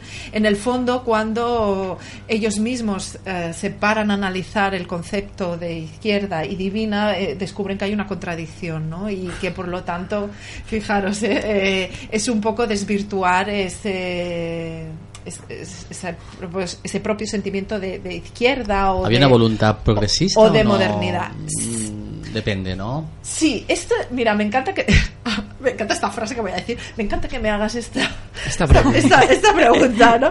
Porque eh, Estoy encantada. sumergiéndome, ¿no? Un poco en el, en el fenómeno de Este la Eh, todos. sí, exacto. Sí, por favor. En el fenómeno de la. Ghost Divine, yo creo que, que hay como es como un mira el trancán, ¿no? Hay Hmm. como muchos puntos de vista, hay muchas opiniones desde dentro, desde fuera y ciertamente segura, es, es como un mosaico, ¿no? Todas tienen un poquito de, de razón. ¿Por qué digo esto? Pues porque desde dentro el, el- a ellos mismos, ¿no? Este movimiento, ¿no? Este fenómeno, eh, ellos mismos pues se consideran eh, personas que querían abrir puentes con otros países, ¿no? Que querían, eran como eh, intelectuales que, que tenían ganas de saber pues qué pasaba en Europa, en América, en Japón, en África, ¿no? Y se describen a ellos mismos como una gran tertulia o como, un inter- com- como crepúsculos, ¿no? Que, que lo que querían era conversar, eh, aprender, eh, descubrir, ¿no? Intercambio de, de información, de vivencias, ¿no? Sí, sí. Eh, que es cierto Un que se- círculo de arte en toda Exacto, regla, que es vamos, cierto. en toda regla. Por eso te decía, ¿no? Que tú, a propósito de los cuatro gats, ¿no? Que Mm. ciertamente era la tertulia, la gran actividad que, que- que- que se sucedía cuando estas personas, este grupo de, de intelectuales, etcétera, se, se encontraban, ¿no? Eh, pero, eh, aunque parte de ellos mismos se, se autodefinen como pues, se, se- reconocen que pertenecían a, a- a la burguesía catalana a clases benestantes y que se podía decir que eran pijos. Hay otra parte que eh, un poco rechaza ese esa autodefinición, ¿no? Como de, de- consideran que ellos trabajaban y que no eran pijos para nada y, y bueno, hay ese- esa dicotomía, ¿no? Desde el den- desde dentro, desde fuera, ¿no? Pero bueno, podríamos decir que eh, en una descripción canónica, pues que la Gauche Divine fue un movimiento de intelectuales y de artistas de, iz- de izquierdas que se extendió por la Barcelona de los años, como hemos dicho, Ujú. 60 y comienzos de los 70. Un grupo que estuvo ligado al movimiento cinematográfico denominado Escuela de Barcelona y que la mayoría de sus miembros pues provenían de la burguesía y de las clases altas de la capital catalana. Ahí hablamos del que hemos sentido antes, Jaime Gil de Viedma, Exacto. poeta y escritor. Fe- mira, a nivel de... Colita, la fotógrafa. Colita. Eh, se- entre el grupo no se encontraban escritores y poetas como Félix Dazúa, Gil de. Viedma, Ana María Moix, Terence Moix, eh, Goitisolo, Rosa Regás, arquitectos y diseñadores, que esto me encanta. Es ¿no? muy interesante. Eh, Oscar Tusquets, Ricardo Bofill, Oriol Buigas, eh, Federico Correa, Alfonso Ujú. Milá, eh, cantantes como Guillermina Mota, Raimón Serrat, fotógrafos muy importantes porque son de hecho los que eh, inmortal, eh, da- inmortal- Recogen, el- sí, recogen y toda la, toda la imaginería de Es esa muy época. curioso, ¿no? Que se introduzcan ya los, los arquitectos, ¿no? Porque como profesión como, como consideración de la, de la profesión artística, Sí. aprecio, ¿no? A la arquitectura. Pero, por ejemplo, los cuatro gats es, es, es- ahora me acabo, acabo de hacer el link, ¿no? Ellos se van a un edificio de Puig y Cadafalch. Ellos quieren ir al edificio de Puig y Claro. Cadafalch porque ellos admiran a Puig y Cadafalch, ¿no? Sí, pero el Lagos Divin ya empieza a conectarse también con los movimientos Exacto. obreros sociales que hay en la ciudad, ¿no? También eh, se mueven a través del Raval, a través del barrio Sí. chino, ¿no? De, de Hay más conexiones. sí, Más de- conexión. De, hecho, De clase. eh, aunque, mm, eh, en fin, se- se- quizás se, se les ha tildado, ¿no? De, Es correcto, ¿no? De, hedonistas, snobs, eh, un poco pues gente que se movía en la frivolidad.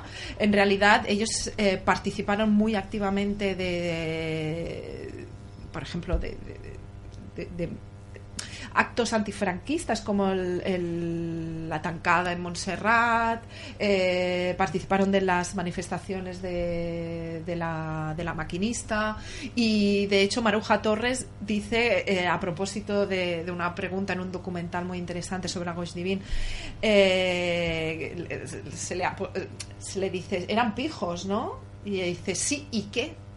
Si yo era una niña del Raval y yo eh, me enteré de las protestas obreras de, de la maquinista gracias a ellos justamente, ¿no? Y de hecho también mm, sobre, sobre esto mismo reflexiona eh, Vázquez Montalbán en un artículo antiguo del año 71 Ujú. que eh, justamente eh, él no, habla de, de cómo levantan ampollas, cómo levantan ampollas esta Gosh Divine y pasa a ser un poco ridiculizada en, los diarios madrileños, justamente por su implicación política. más ¿no? política. Bueno, creo que no se puede dejar de lado, ¿no? Que era Lagos Divin, era Lagos Divin de Barcelona, ¿no? Barcelona como ejemplo de ciudad reivindicativa, ¿no? Y movilizada con, con temas socia- esos intereses, yo creo que eran De, son de- transversales, ¿no? En- de hecho, las relaciones públicas de sabemos que bueno, la Ghost Divine se movió no únicamente en Barcelona, los fines de semana se desplazaba a Cadaqués, eh, en general a la Costa Brava y aparte de tener diversos locales donde comían el flash la calle el, el Tusset Street, ¿no? que se le llamaba y que de hecho eh, Pera Portabella hace una hace una, una película, creo recordar, una película que se llama Tusset Street sobre todo este movimiento. El epicentro, ¿no? El, el local de referencia donde se encontraba la Ghost Divine y todo este grupo de, de- de intelectuales y artistas era el Boccaccio, ¿no? Boccaccio. Eh, Boccaccio situado, bueno, que, así como curiosidad, es inaugurado el 13 de febrero del 67, Lo ¿no? sé, es inaugurado y además con esta música. Ponla, ponla. And the way the sunlight plays upon her head. I hear the Se iba bailando allí. ¿eh? Yo hubiese la reina de la pista. Nos hubiera encantado en un sitio así, Exacto. ¿eh? Lo sabéis, ¿verdad? Pues allí en el, en el, en el Boccaccio, ¿no? Eh, la, la que fue Relaciones Públicas, Ana Mayo, miembro también de todo el movimiento, dice, muchos intelectuales de Madrid, cuando visitaban Barcelona, se precipitaban al Boccaccio porque decían que era como ir a Europa. Qué bonito. Y es que Pilar Aymaric, también miembro del grupo, decía, nos lo pasábamos muy bien y la alegría era revolucionaria en esa época.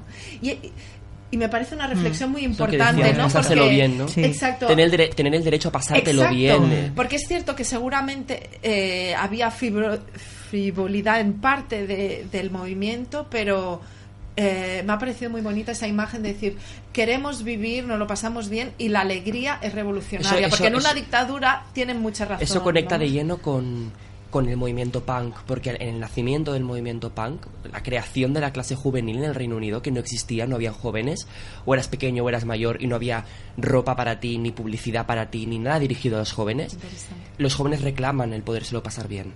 Como el veis, sencillamente poderse vestir, Siempre Vamos conexiones. hilvanando, ¿eh? Vamos quieren salir, vestirse Siempre con ropa que les guste y ser felices, ¿no?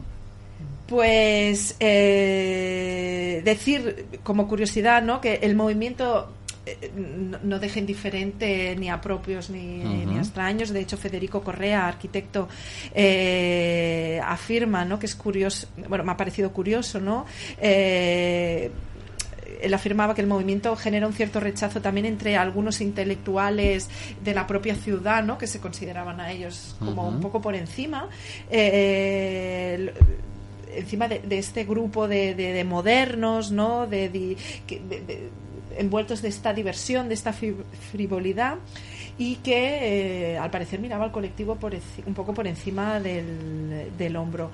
Y una, afirma, una frase también muy divertida de Ventura Pons para describir lo que pasaba con la Div- lo que pasó con la Ghost Divine y lo que pasaba en esa en ese punto neurálgico en el Boccaccio es que eh, afirma mientras en Madrid aún desfilaban los militares y las cabras por la Gran Vía en Barcelona nos reíamos de todo Bueno, creo que es un buen final. Tenemos el fragmento de. Rosa que no sé Sí. si quieres que te lo ponga o no. sí porque describe bien un poco lo- desde dentro no cómo Perfecto. se veía Pues escuchemos a Rosa Regar. vam viure una època que dintre de la vulgaritat i de l'horror del que era el franquisme dintre ens va donar la possibilitat de, de, de, de sortir del sopor en què es vivia i intentar lluitar a la nostra manera. A la nostra manera intentar lluitar per trobar una llibertat que la veritat és que la vam trobar. No diré que vam trobar la llibertat, perquè la llibertat no es troba mai, però sí que ens va posar en el camí de la llibertat. Vam fer el que vam poder, poc, però vam fer, i vam tenir molta esperança.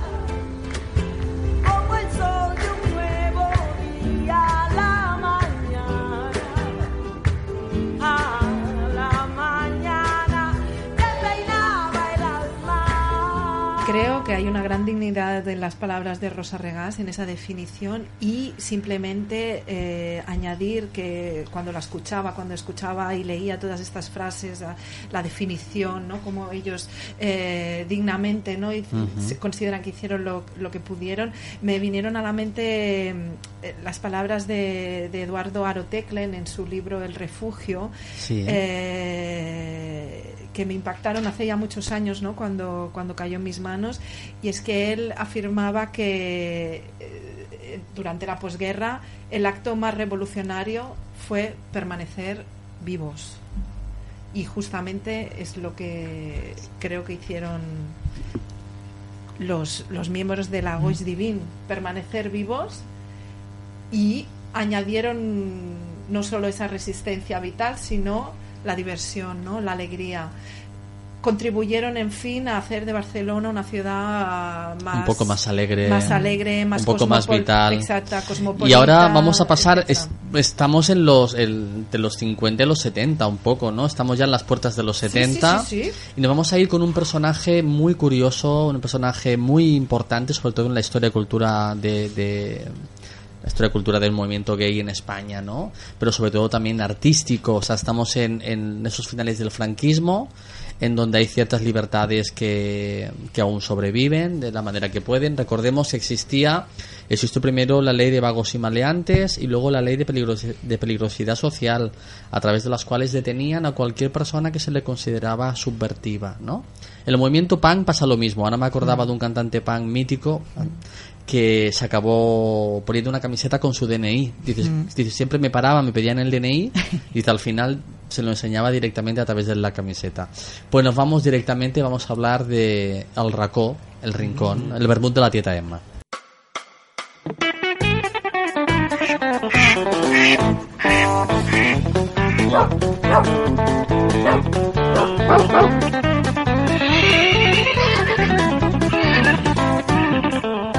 El vermut la tieta Emma.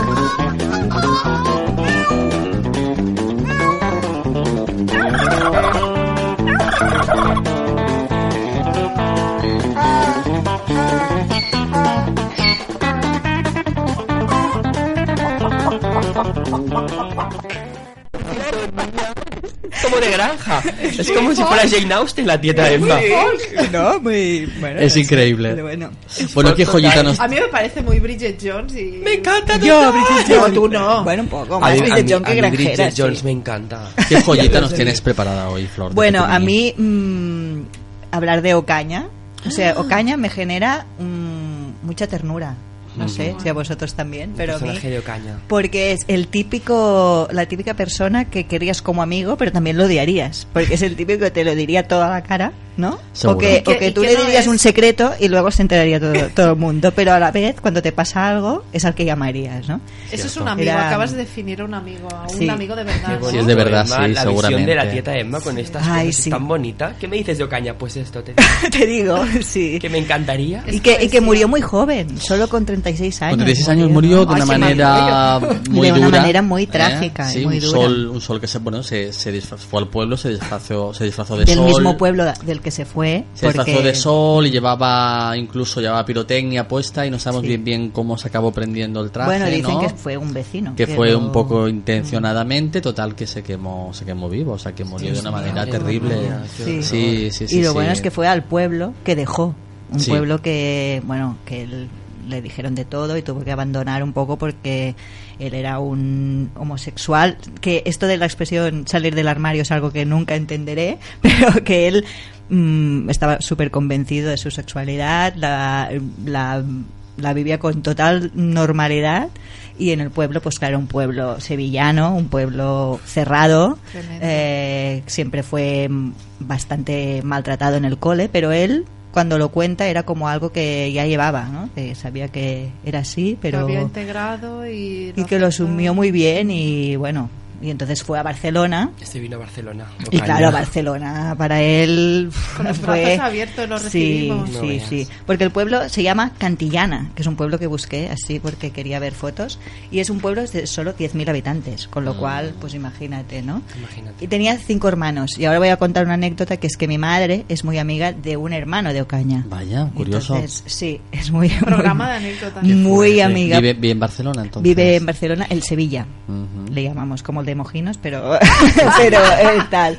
Y lo recuerdo porque, bueno, mi madre era maestra y él llevó a, la- a su hija en el cole y se fueron, se hicieron muy amigos, ¿no? En esa época en que los padres y los maestros eran muy colegas y salían de fiesta, que ahora ya esto ya no pasa tanto, ¿no? Ya no pasa. Y no, en esa época sí. Y recuerdo que en mi casa había un cuadro de Ocaña, porque Ocaña fue pintor, pero su época de pintor no, bueno, no hay muchas referencias de su pintura, porque tampoco, bueno, no era algo que, que destacara, ¿no?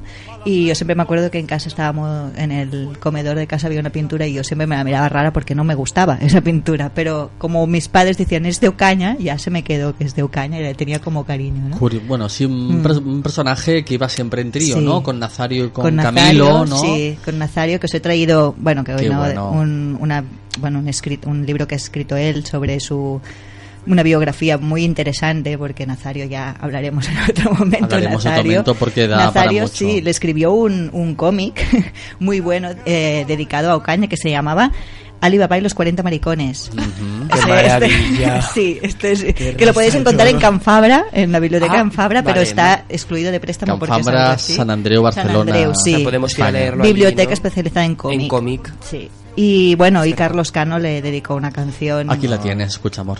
Amarga del limón. Ay de quien no sienta la cabeza y entre nubes de sueños se pierde. Dios lo salve de la clase media. Ay, se. Y en, en la Qué Plaza buena. Real tenía en su en su casa tenía un altar dedicado a la Virgen de la Asunción, que es la Virgen de que en su pueblo pues eh, también adoraban, ¿no? O sea, él era Hoy hemos colgado Sí. un vídeo de Sí, YouTube en el que canta unas saetas, al, hace una Sí. performance de la Virgen, pasa por su balcón.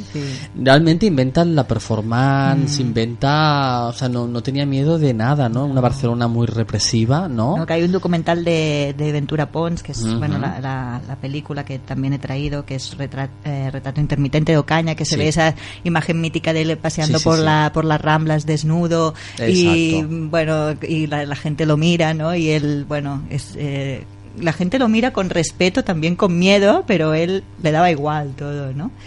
Y, y hay un bueno hay una escritora que se llama María José Magaz que escribió un libro de poemas dedicado a Ocaña y que se llama En tu recuerdo que si queréis os leo un- un- una poesía Ay, dedicada a. Ocaña no estoy allí muy poeta pero bueno lo voy a intentar que dice ya no te veremos más en tu plaza real, conversando con tus muchos amigos, ni asomado al balcón mirar el mundo.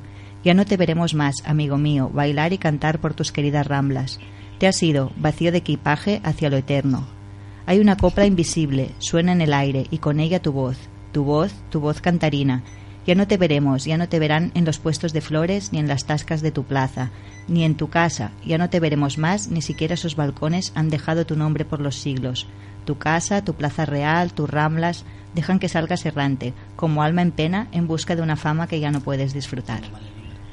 Bueno, esto es un, un poema que le escribió dedicado a ella, a, él, y hay un bar en la Plaza Real que se llama Ocaña, que Sí. esto ya supongo que hay sus, Sí, su- sí. que la familia ahí dejó todos los las pinturas que él había hecho y que supongo que no En tiene Ocaña. nada que ver el Ocaña de antes con el Ocaña de ahora, esto que decíamos de, de antes, ¿no? De los precios, pero bueno, que Ocaña fue una de las personas más más importantes ¿no? de esta mm, de esta etapa que se le ha hecho también una obra de teatro que se llamaba bueno mm, Ocaña de, de Marrosic y bueno yo creo que es un personaje que bueno que con total libertad hizo un hueco en esta Barcelona de, de expresarse como él quería sin sin tener ningún complejo no y era como como alguien necesario yo creo en esa época. Qué, qué sencillo y qué difícil, ¿no? Eh, Lo que, Mm. lo que comentas, ¿no? Hacerte un hueco simplemente por, Mm. por su- ser sí. quien eres, por tu creatividad y por... Bueno, también se le debe mucho, ¿no? Un personaje así en Mm. Barcelona como Mm. Caña. Sí, y en el No, docu- lo que lo que lo que trajo no lo que pro- Mm. las cosas que produjo no Sí, no, y ese, y esa- ese final de la democracia, esa apertura total y colorista, ¿no? A mí me recuerda mucho Ocaña a, a los personajes travestis cuando quitan los urinarios que habla Mm, Jeanette, ¿no? sí. Hacen como una procesión, Mm. ¿no? Toda esa parafernalia de, de los que se atrevían a dar la cara, ¿no? Porque siempre cuando se habla del movimiento gay, dices es que en la manifestación salen los mismos. Mm. Salía quien se atrevía a hacerlo, ¿no? Y entonces era, era el frontline de algo en el, en el que muchos quedaban amparados detrás, ¿no? Y Ocaña es, para mí, es todo un artista, pero que trasciende la obra, que no hablamos de producto, Mm, es un mm, artista claro. que entiende que hay un proceso, que hay una parafernalia, que hay una difusión, que hay una publicidad y todo eso lo sabe llevar Mm.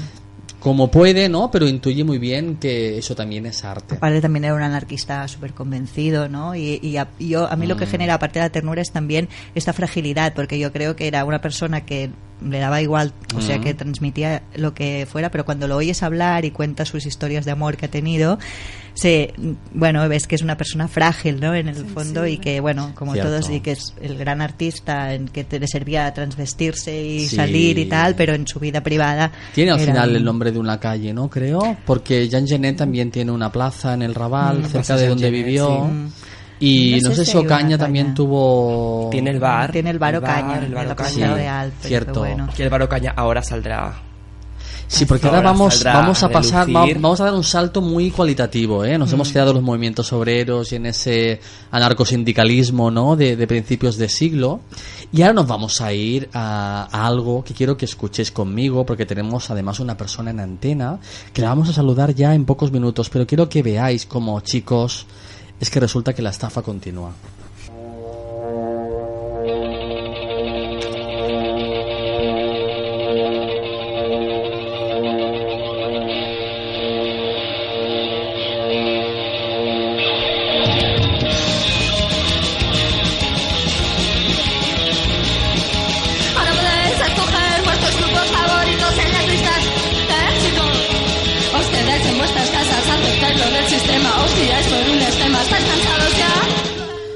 Mireia, buenas.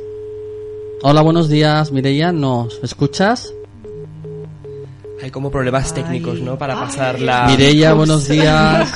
No es fácil, no para es pasar fácil. la llamada No sé si nos Pues, escucha. bueno os, os, la- os- yo- os voy yo- a introducir ¿has os, visto? Mireia nos Sí, os, os Sí. presento a Mireia ¿Por qué queríamos hablar con ojalá Mireia? podamos hablar con ella hoy Eh, Parece Mireia- ser que no podremos hacerlo, chicos. los Oh. qué lástima Mireia, hola. ¡Hola! ay Hola. Mireia. Mireia, ¿nos oyes? ay sí, Nos escucha, nos escucha. Pues mire, voy a presentaros a Mireia. Mireia, eh, aparte de, de una buena amiga, es fotógrafa. Es, es una fotógrafa que actualmente en el panorama de Barcelona está publicando en revistas. Ha expuesto en Ocaña, ¿verdad, Mireia? También. Sí. Que ahora, ahora, ahora te preguntaré por eso, que, que expusiste en Ocaña, porque es algo muy original. Eh, como os decía, está enviando sus fotografías a, a Australia, está publicando en revistas y nos conectaba muy bien ¿no? con lo que estábamos hablando hoy, con esta Barcelona tan creativa, eh, como decía Marta, ¿no? de Arragás, que es la Barcelona tiene, Barcelona tiene ese elemento de creatividad, ¿no? que en cualquier momento vuelve a resurgir. ¿no? Y yo creo que Mireia es uno, es uno de los ejemplos que, bueno, agradecerte que estés en antena con nosotros, Mireia, hoy. Gracias a vosotros. Mireia, hemos solucionado el problema técnico, es que estoy aquí, el Kiko hoy está indispuesto, entonces hacemos lo que podemos. Mireia Arasa, eres fotógrafa, ¿no? Ah, bueno, siempre Cuéntanos voy con una eres. cámara. Bueno, está bien, por algo se empieza, ¿no?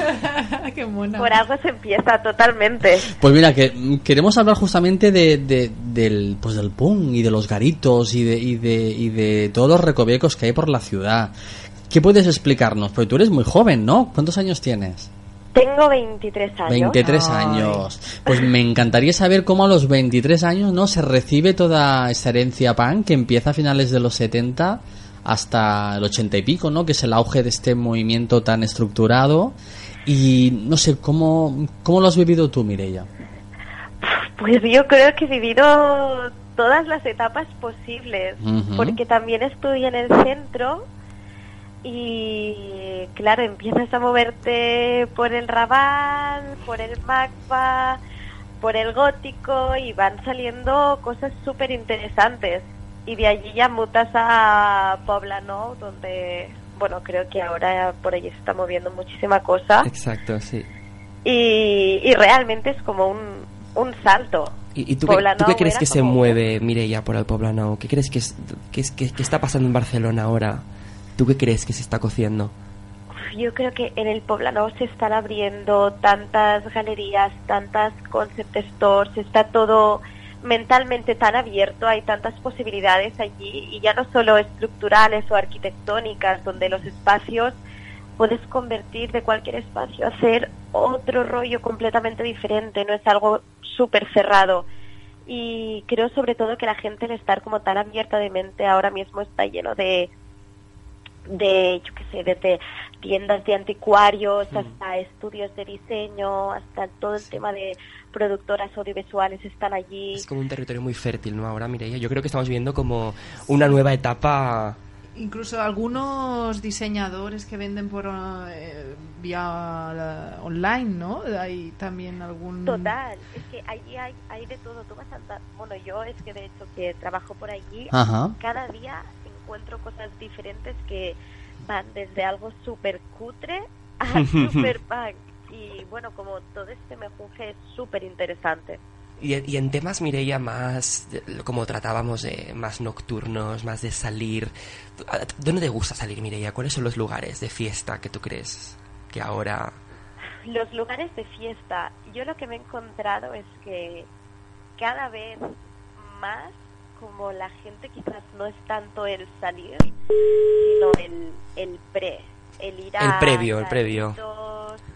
Sí, estar en bares, el poder compartir un vino, poder compartir unos chupitos. Creo que cada vez se mueve más esto y se entra más tarde. Y Mireia, ¿aún, ¿aún se ven punks? ¿Aún existe la tribu urbana de los punks, por llamarlos de alguna manera? Cuando, porque yo ahora cuando salgo a tomar algo, voy por estos sitios, es muy difícil ver tribus urbanas, ¿no? Como, como se entendían en los años 80, Sí. 90. La verdad es que es que ahora me parecen más los hipsters una tribu urbana que, los ¿Verdad? ¿Verdad? Sí, sí, sí. 100%. Algo Sí, de la sí. estética punk. Sí, los hipsters... Sí, ha quedado, ¿no? En- Sí, Pero- yo creo que cogen, pero no los punks. Creo que cuesta muchísimo más encontrar algo tan auténtico como eran los Cierto, o eran los emos o es que ya no veo o góticos. Algo- los hemos han quedado más relegados, yo creo, que a la adolescencia, ¿no? Al, Sí. al momento de, de la maduración, de crecer, de enfadarte con todo el mundo. Total, pero apostan como por algo a tiro fijo. Sí.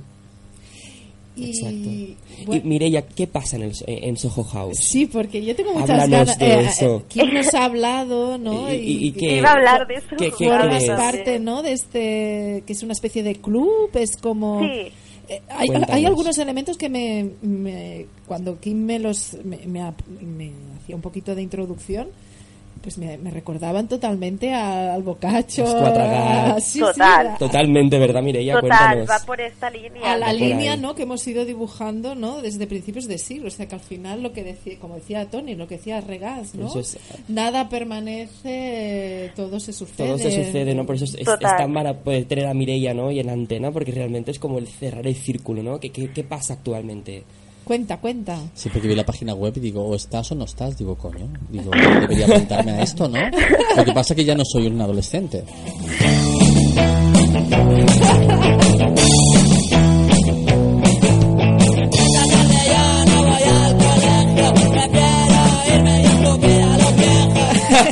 Esta tarde yo no voy al Bueno. colegio, prefiero irme a escupir a los viejos. Cuéntanos. Mireia.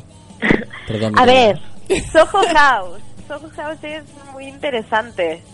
Muy interesante. Aunque no sé si aquí en Barcelona está funcionando igual que en otras partes. No sé por qué lo tengo un poco más infravalorado. Pero a veces cuesta ejemplo, en ¿no? Londres, en Londres, por ejemplo, eh, Son movimientos House que es- llegan igual eh, de importación, ¿no? Y que te- tienen un récord, o sea, para que se implanten en plenitud, ¿no? Necesitan quizás un, un proceso Sí, un- diferente, ¿no? Un tiempo. Sí, no, total, o sea, 100%, pero es, o sea, yo de hecho cada vez que, que voy allí siempre me acabo encontrando con gente del sector o periodistas que reconoces o artistas que dices, uy, este lo he visto Porque, so- perdona, eh, que te corte. Dime. En, No, no. en- en esencia, ¿qué, qué sería? ¿Es un local? ¿Es un, Es un- club? ¿Es, Es un, es un club privado de artistas. Pero, ¿cómo se accede? O sea, es, ¿Cómo se accede? Tú ¿es tienes- etéreo? ¿Tiene Es una, un- tiene una membresía, ¿verdad, Mireia? Sí, tiene una membresía, entonces tú puedes ser socio y si eres menor, bueno, también l- digamos, tema económico va diferente de si eres mayor de 25 años, si eres menor, pero tienes que pasar, digamos, un proceso donde te tienen que invitar y aparte tienes que ser aceptado por dos personas de dentro del club, o sea que ya Como formen parte del club. Estaba pensando lo mismo, Es muy eso es una masonería, Es qué muy bonito. interesante. Además, Mireia, si no me equivoco, eh, eh, te piden que, que- que pertenezcas ¿no? al sector creativo. a- Sí, sí, esto, o sea, esta es la base. Es la Tienes base. que pertenecer en el, en el sector creativo. Si por aquí ya no pasas, entonces Ya ta- tampoco tienes nada que hacer allí, ¿no? Si no, sí, eh, de es hecho, que realmente es esto, es para Claro. encontrarte con todo este tipo de gente, para poder como- hacer relaciones. networking. Sería como Total. un Cuatro Gats, pero versión 2.0, Y ¿no? te- tengo curiosidad, o sea, el primer contacto es eh, a través de una página web, eh, tienes que es, hay un espacio físico, hay una sede física, hay un hay varios locales. mm, Hay un local, solo hay un local. Bueno, de hecho también tienen un restaurante delante del local. Pero el primer contacto, a ver, claro, es que mm, yo porque ya conocía a alguien que ya era miembro, ya me invitó. Claro. Pero, por ejemplo, yo sé que mm, antes de abrir incluso, Mm. Soho House ya se puso en contacto como con gente Sí. de Barcelona. Yo tengo un amigo que, que sucedió así, que contactaron con él antes Claro. de abrir, como para que hicieran una aportación económica para poder abrir ese lugar. A, a mí es lo que me ha llegado, ¿eh? Es decir, es como apostad por, por esto, ¿no? Como porque A os va a dar no- beneficios, ¿no? No sé, a mí Sí, a ver, a mí no me han dicho tanto que lo de la aportación económica, esto no Sí. me lo dijeron, pero sí que les invitan ya a ellos para que, por ejemplo, traigan clientes. Yo, por ejemplo, conozco a gente de Canadá, de la productora, que ya les invitaron Sí. y entonces ya solo pensando en que luego, pues si tienes una reunión, vayas ahí a hacerlo, puedas llevar a los clientes de Claro. afuera. Vamos, que, que, vis- que viste, ¿no? Que viste bastante, ¿no? Hombre, Eso que pues la estáis verdad es oyendo que de sí. fondo es Tony comiéndose un croissant. Comiéndose un decimos- que se piensa que no tiene el micro abierto y sí Lo, oye todo el mundo ya, y ya les, ya le explicamos. No, no es que esté aterrizando un Hay que explicarlo todo. He cerrado el micro para comerme un croissant, pero he dejado la bolsa encima de tu teléfono, Mireia, de tu auricular. Entonces, claro, Ante por- lo cual, la claro, pobre- el croissant se lo ha comido ella.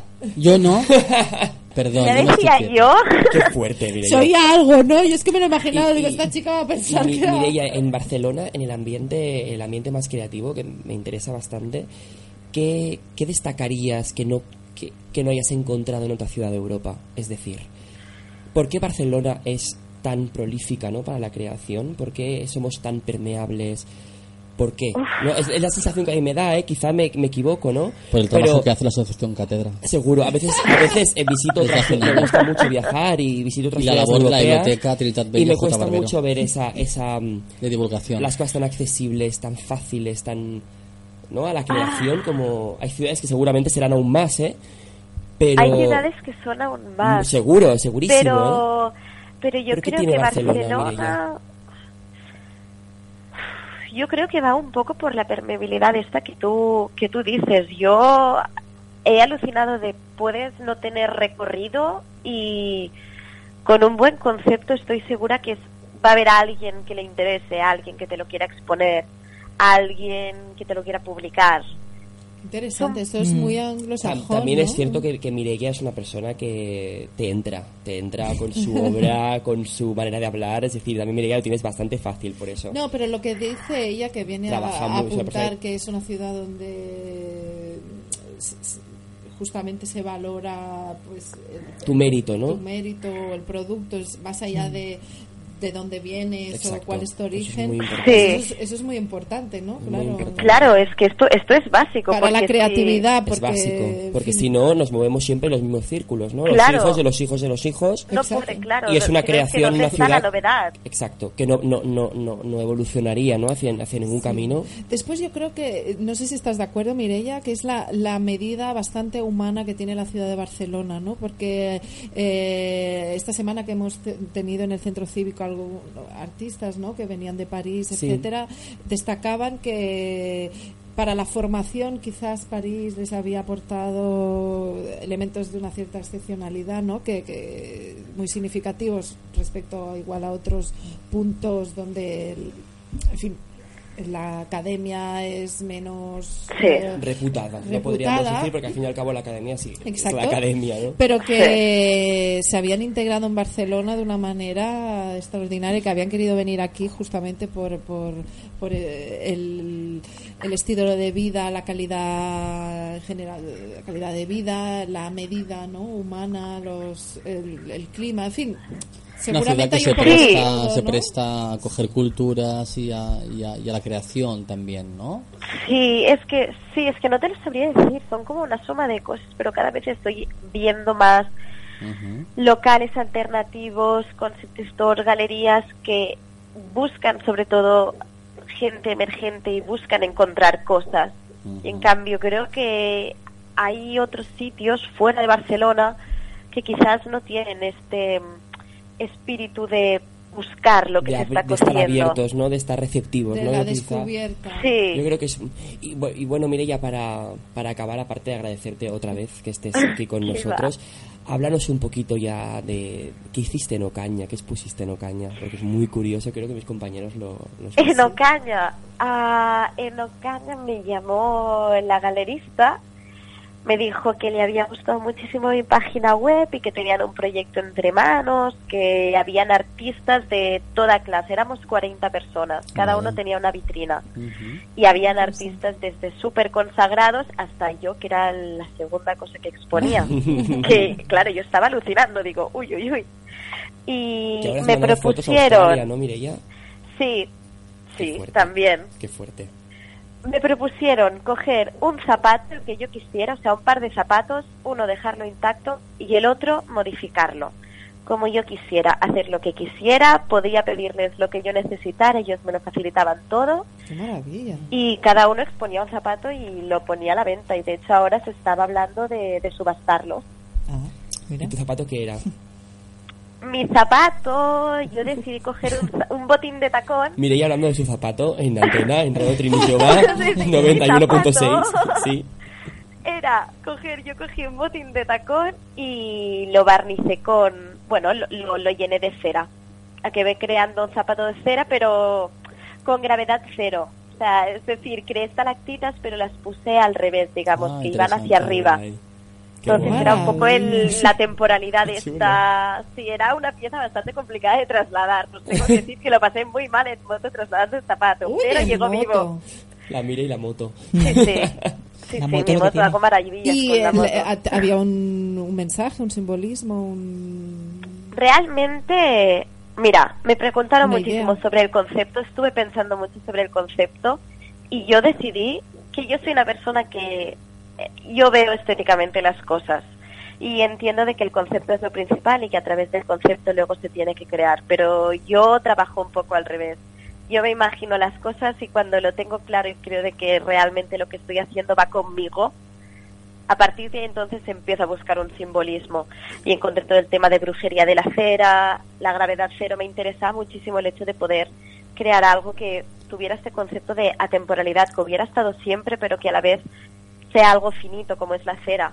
Hiciste bien, así empieza el arte contemporáneo. Me- O iba- iba sea, que- justamente La tenemos que desde la forma al fondo. Me parece... La liberación de Mireia, formas, ¿no? Felicidades por esa personalidad. Muchas gracias por tu participación, Sí, sí. por situarnos un poco pues en este momento actual que nos interesará, nos interesaba poder hablar con alguien con alguien fresco que nos dé un poco pues cuál es la visión actual y ahora vamos a pasar a una canción que habla pues de nuestra ciudad, ¿no? Maldita ciudad. Muchas gracias y nos vemos Mireia de aquí a poquito. Mireia. O Mucha nos suerte. oímos. A vosotros, Gracias, muchas suerte. gracias. Nos vemos. gracias. Felicidades. Chao. Gracias.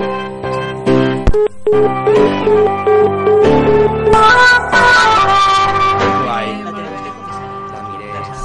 Maravillosa.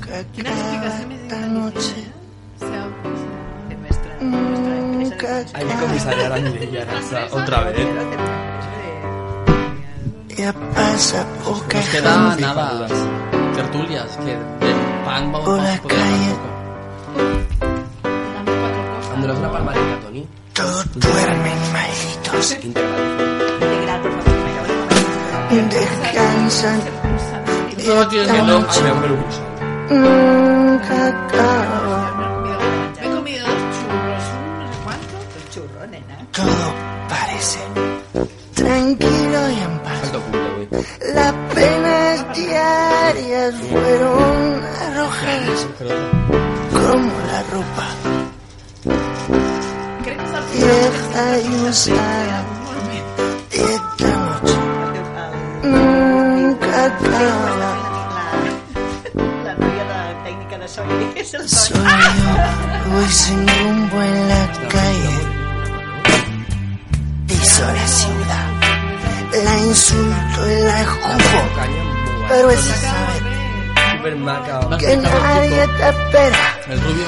Hacen mira la calle desierta. Y hace tan siniestra esa calle poblada.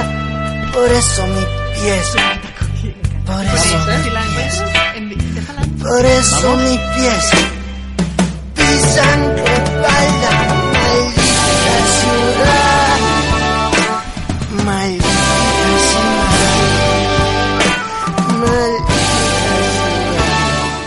Pues sí, maldita ciudad. Aquí estamos en Barcelona, las Barcelonas canallas, las distintas Barcelonas, desde Barcelona Mesborrona, programa que se emite en Radio Tenijova el último miércoles de cada mes de 12 a 2 y todos los domingos de las 22 a las 24 horas si todo va bien.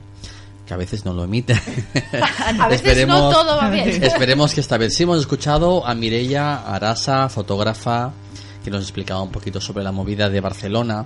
Y hemos transitado por muchas épocas, ¿eh? más proletarias, más anarco-revolucionarias, ¿no? más burguesas también, ¿no? La Gauche Divine, que ya un poquito flirtea con lo esencial y descubre que lo esencial quizás está en la democracia, ¿no? Y no en la autocracia artística. Y ahora nos vamos, como no, a hablar de un movimiento que llega, irrumpe en el Estado español un poquito más tarde, que es el movimiento punk, que haría falta justamente un programa entero para hablar de ello. Entonces vamos a aprovecharlo, chicos, chicas, para hacer tertulia, ¿no? Uy. Porque yo he descubierto... Uy, la tieta. He descubierto muchísimas cosas, ¿no? Dieta, las, eh, pero hay, el Poblano. hay una frase, hay una frase de Greg Graffin. Greg Graffin eh, dice. En los dos. el punk es la lucha constante contra el miedo de las repercusiones sociales, ¿no? Hay un momento en el que aparece, ¿no? En Australia, en, Gran Bretaña, que llega ya los 70 bastante bien entrados, ¿no? Una, una actitud contracultural, un poco estamos hasta las tetas de todo, ¿no? Diríamos. Estamos hasta las tetas de todo y háztelo tú mismo, ¿no? Entonces, este... este- Además tiene una sociedad muy, muy, muy marcada, ¿no? Con, con mucho, mm, con un carácter, eh, un- unos modales, es decir, que son muy, imposi- que son muy impositivos, ¿no? En, en la vida de la gente. Es que, es que muy es que encorsetado. al final, muy encorsetado. Al final parece que la instauración de la democracia acaba produciendo como otro régimen moral, para que nos hecho, entendamos, ¿eh? Porque ¿no? pensemos en Ocaña y las jornadas libertarias del año 77. Tengo aquí el- la revista del 25 de julio del 77 que se repartía, ¿no? Mm. ¿Vale? En estas jornadas el movimiento anarquista decidió no entrar a jugar en el juego de la democracia y no se presentó a las urnas. Mm. Año 77, yo tenía... Yo no había nacido. Y no te rías. No, yo a mí me quedaba poco. Fijaos lo que dicen, ¿eh? Dicen homosexualidad, bisexualidad, autoestimulación, autoestimulación, heterosexualidad son aspectos diferentes de una única sexualidad. No hay conductas normales o antinaturales. Mm. Simplemente hay muchas posibilidades, muchas maneras de descargar la comunicabilidad, la afectividad y de gozar. Pam, pam, pam, pam. Estamos hablando de un discurso absolutamente actual, posmoderno. Totalmente Total. actual. ¿Quién no lo? Hablamos del año 77. Eso es el poliamor. Bueno, pues entramos en, todo. entramos se en- vale, ¿no? entramos El en la democracia y llega un momento en que los jóvenes no pueden más, entonces cogen el rock y ¿qué hacen? Lo, lo, lo, lo, lo destruyen, Los ¿no? mods. Los mods. Entonces de ahí nace el punk, ¿no? De esa actitud independiente, contracultural, ¿no? De un ambiente sonoro, ruidoso o incluso agresivo, con letras políticos sociales, ¿no? Se cagan en todo, ¿no? Desde los Sex Pistols a los Ramones en Mm. España, ¿no? Y aquí irrumpe pues bastante tarde, pero me interesa mucho sobre tampoco es un movimiento que sea muy uniforme, ¿no? Porque los punks al final, hoy escuchaba un programa de radio, eh, se vestían como podían y conseguían lo que podían. O sea, nada de las crestas curradas que se esgrimían en Mm, Australia, ¿no? exacto. Sino que aquí te hacías lo que podías o cogías una cadena y te la ponías, ¿no? Y mm, después, cómo empiezan, ¿no? El, el- el lema de háztelo tú mismo, ¿no? Empiezan a diseñar, a grabar sus propias canciones. Pero hasta el punto de anécdotas de que para grabar una cinta, ¿no? Eh, pues para hacer copias y que se la quedaran los tres miembros del grupo, pues a lo mejor tocaban la canción tres veces y lo grababan tres veces. y lo grababan con un loro, ¿no? En unas condiciones absolutamente punks, ¿no? Loro. Punk se quiere decir eso, descudo, basura, ¿no? Entonces, alejándose del sistema, ¿no? De, Mm. de hacerlo ellos. la ¿no? contracultura, Es la contracultura es la esencia- antisistema, lo ¿no? grotesco, ¿no? Exacto, no, es- no hay ni siquiera una implicación política, así la que no- denuncia en lo grotesco es que Bueno, realmente- va desde casas Realmente, como, hasta- como decía Tony, es algo tan transversal porque eh, el nacimiento, el porqué, es, la, es el reclamar un espacio, ¿no? Para ellos. Y sobre es decir, de casa al trabajo, del trabajo a casa, de pequeño a mayor, ¿no? Es como reclamar ese espacio que no existía, ¿no? En plan, es gente joven, somos jóvenes, queremos un lugar, queremos cantar, queremos ir a bailar, nos queremos vestir, queremos hacer nuestra música que no existe, queremos hacer cosas que no existen Que no y queremos crearlas, Claro. porque era un vacío, es, y es- además no les daban cobertura, ¿no? Nace de un vacío, ¿no?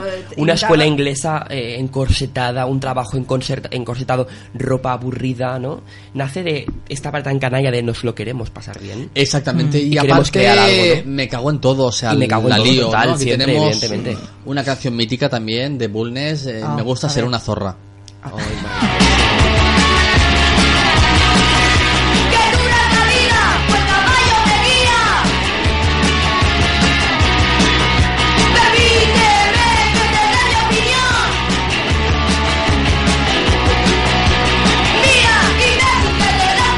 Bueno, un poco romper toda esa Escuchando mora- estas letras, toda ahora esa con- moral, ¿eh? conecto con actua- con el trap, ¿no? Actual, este este Ah, surgir de esta música Eso que te actual. gusta tanto. tú. Bueno, me Sí, parece ¿no? muy curioso, ¿no? Porque realmente las letras, Bueno. las letras eh, no se ha inventado nada, ¿no? Te das cuenta de que no, de que no se inventa nada, ¿no? Hay estilos musicales que nacen para romper Mm. y otros para entretener, ¿no? Y en este caso yo creo que el trap es totalmente rompedor con según qué cosas, ¿no?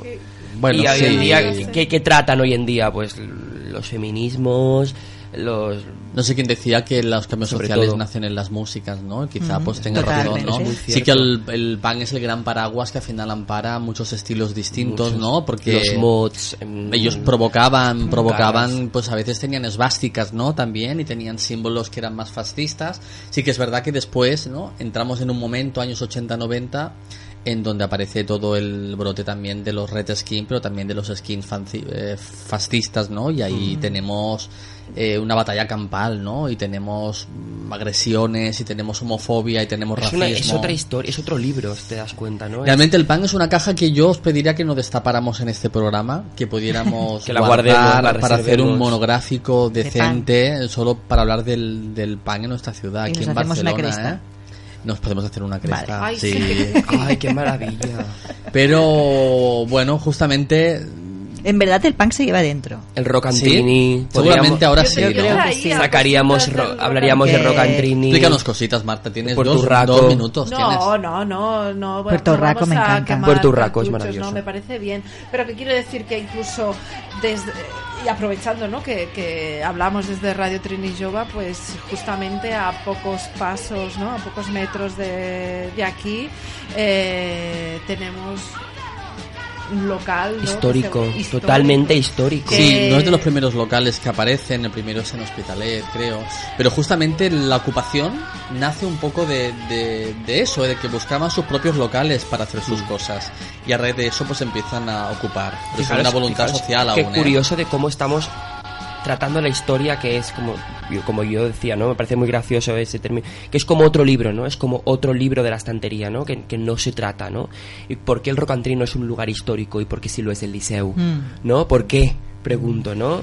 Cuando realmente eh, Porque la la respuesta sería está- o por- bueno también tendríamos que introducir el celeste tendríamos que introducir Puerto Urraco no del Mm. Poblenou que siguen sin ¿Por qué ser señalas? considerados porque te, te encanta y yo lo sé y tú vas a bailar y a el Bueno, Martinis Había Martínez precisamente ¿Martínez? no. Había ¿qué haces tú en Puerto Urraco Emma? Bueno, hace tiempo que no. Bueno, no, hace tiempo. jugado al duro allí. Yo había al, al duro porque duro de pelar cuando tú, tú- ah, van- antes había duros, tú tienes de céntim, de céntim, Yo yo soy de duro.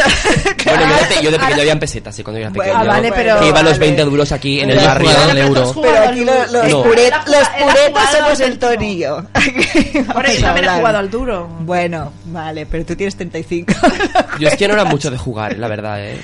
Puerto Raco, maravilloso sitio, que se llama igual que el pueblo ese. De las, her- de las hermanas De las locas hermanas del Curiosísimo, Puerto ¿eh? Ahí. Puerto Raco se me, han- se me ha hecho de día bastantes veces. ¿Ves? Emma En esas- en esas la épocas, Emma, en esas la épocas- Emma iba a Puerto Urraco ¿Cuánto nos en esas puede- épocas Pues que llevaba, llevaba los elásticos ahí. No me lo puedo creer. Ahí, hombre, yo. Queremos fotos para ponerlas en no Facebook. sé si te, con la Vespa y ahí todos los... Vamos a ir finalizando en, en este programa de hoy sobre la Barcelona canalla, sobre las Barcelonas canallas. ¿eh? Hemos partido de 1900, de principios del siglo pasado, 1910, 15, de Jean Genet. Hemos pasado por el modernismo, por la Goig Divine, por Ocaña, ¿no? Que participa de esas jornadas, esas jornadas libertarias. Ojalá tan- estuviera aquí, Ocaña. ¿eh? Sí, pues sí, pues estaría. Ojalá estaría y tendría mucho que explicarnos. Y el pan, nada, lo dejamos guardadito, congelado, para poderlo descongelar en otro programa y abarcarlo con más tiempo. Y nos vemos de aquí a un mes, no me acuerdo con qué tema. ¿Os acordáis? Ah, no tengo la libreta aquí. de no nos acordamos No nos acordamos. No, me parece que es. eh, Ah, no, marzo iba a decir Mujeres de la República que dijimos. Puede de ser hablar- que sean mujeres de la República, Uy. porque en abril tenemos Sí, el, de, el de, memoria histórica. De hecho, iba a ser, me- la de la memo- iba a ser el especi- en marzo iba a ser el especial de memoria histórica, pero hicimos un cambio estratégico Cierto. para situarlo dentro de la Semana de la Convivencia. Cierto. Entonces La nos vimos 30 obligado, obligados a adelantar el de Mujeres de la República que se había previsto en abril justamente para, para el aniversario. Pues les invitamos a todos y a todas a bueno a mirar nuestro Facebook, Barcelona Mesborrona, escucharnos en ebooks también en la plataforma. Si ponen Barcelona Mesborrona, pues ahí estamos. Descargaros todos nuestros programas, escucharnos, escribirnos, pedirnos cosas. Y vamos a acabar, como no, con un pequeño homenaje a todos los libertarios, ¿no? A todas las Mm. personas que se atrevieron a cambiar a cambiar nuestro mundo.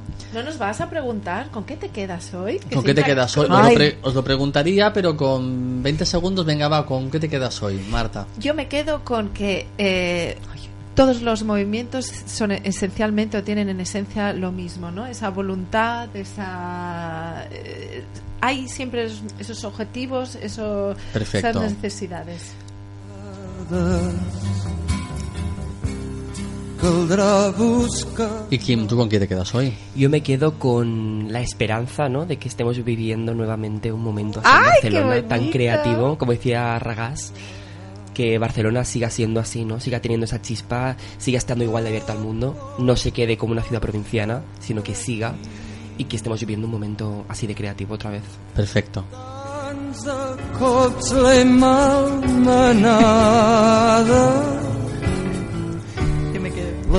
Y Emma, ¿tú con qué te quedas? No sé por qué reís cuando me toca Emma se queda muerta. me quedo muerta.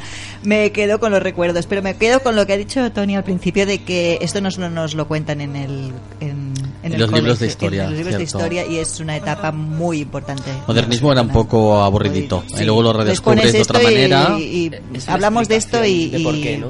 la gente aprueba. Seguro. que no Y yo me quedo, pues ya lo sabéis, con todos vosotros, radio oyentes de mi corazón y de mi alma, que nos escuchemos, que nos veamos, que nos escribáis, que nos pidáis temas, que nos sentamos vivos, de que alguien nos escucha, aparte de nuestras madres, hermanos y novios. Y el Kikus. Y el Kikus Kikus, Un beso súper que grande. estaré ya dormido, que te mejores. Nos vemos prontito, un besito a todos y a todas desde Radio Trinillova, emisora de radio social. Os queremos, chatus. Hasta la próxima. Tinc sota els peus damunt l'espatlla i la vull guardar amb mi. Fins al jorn dels miserables. Que poques paraules. Tinc les que els dits són tan gastades de buscar que nous camins on no calguin les paraules. Quanta, quanta ràbia tinc. Potser cal ser gos des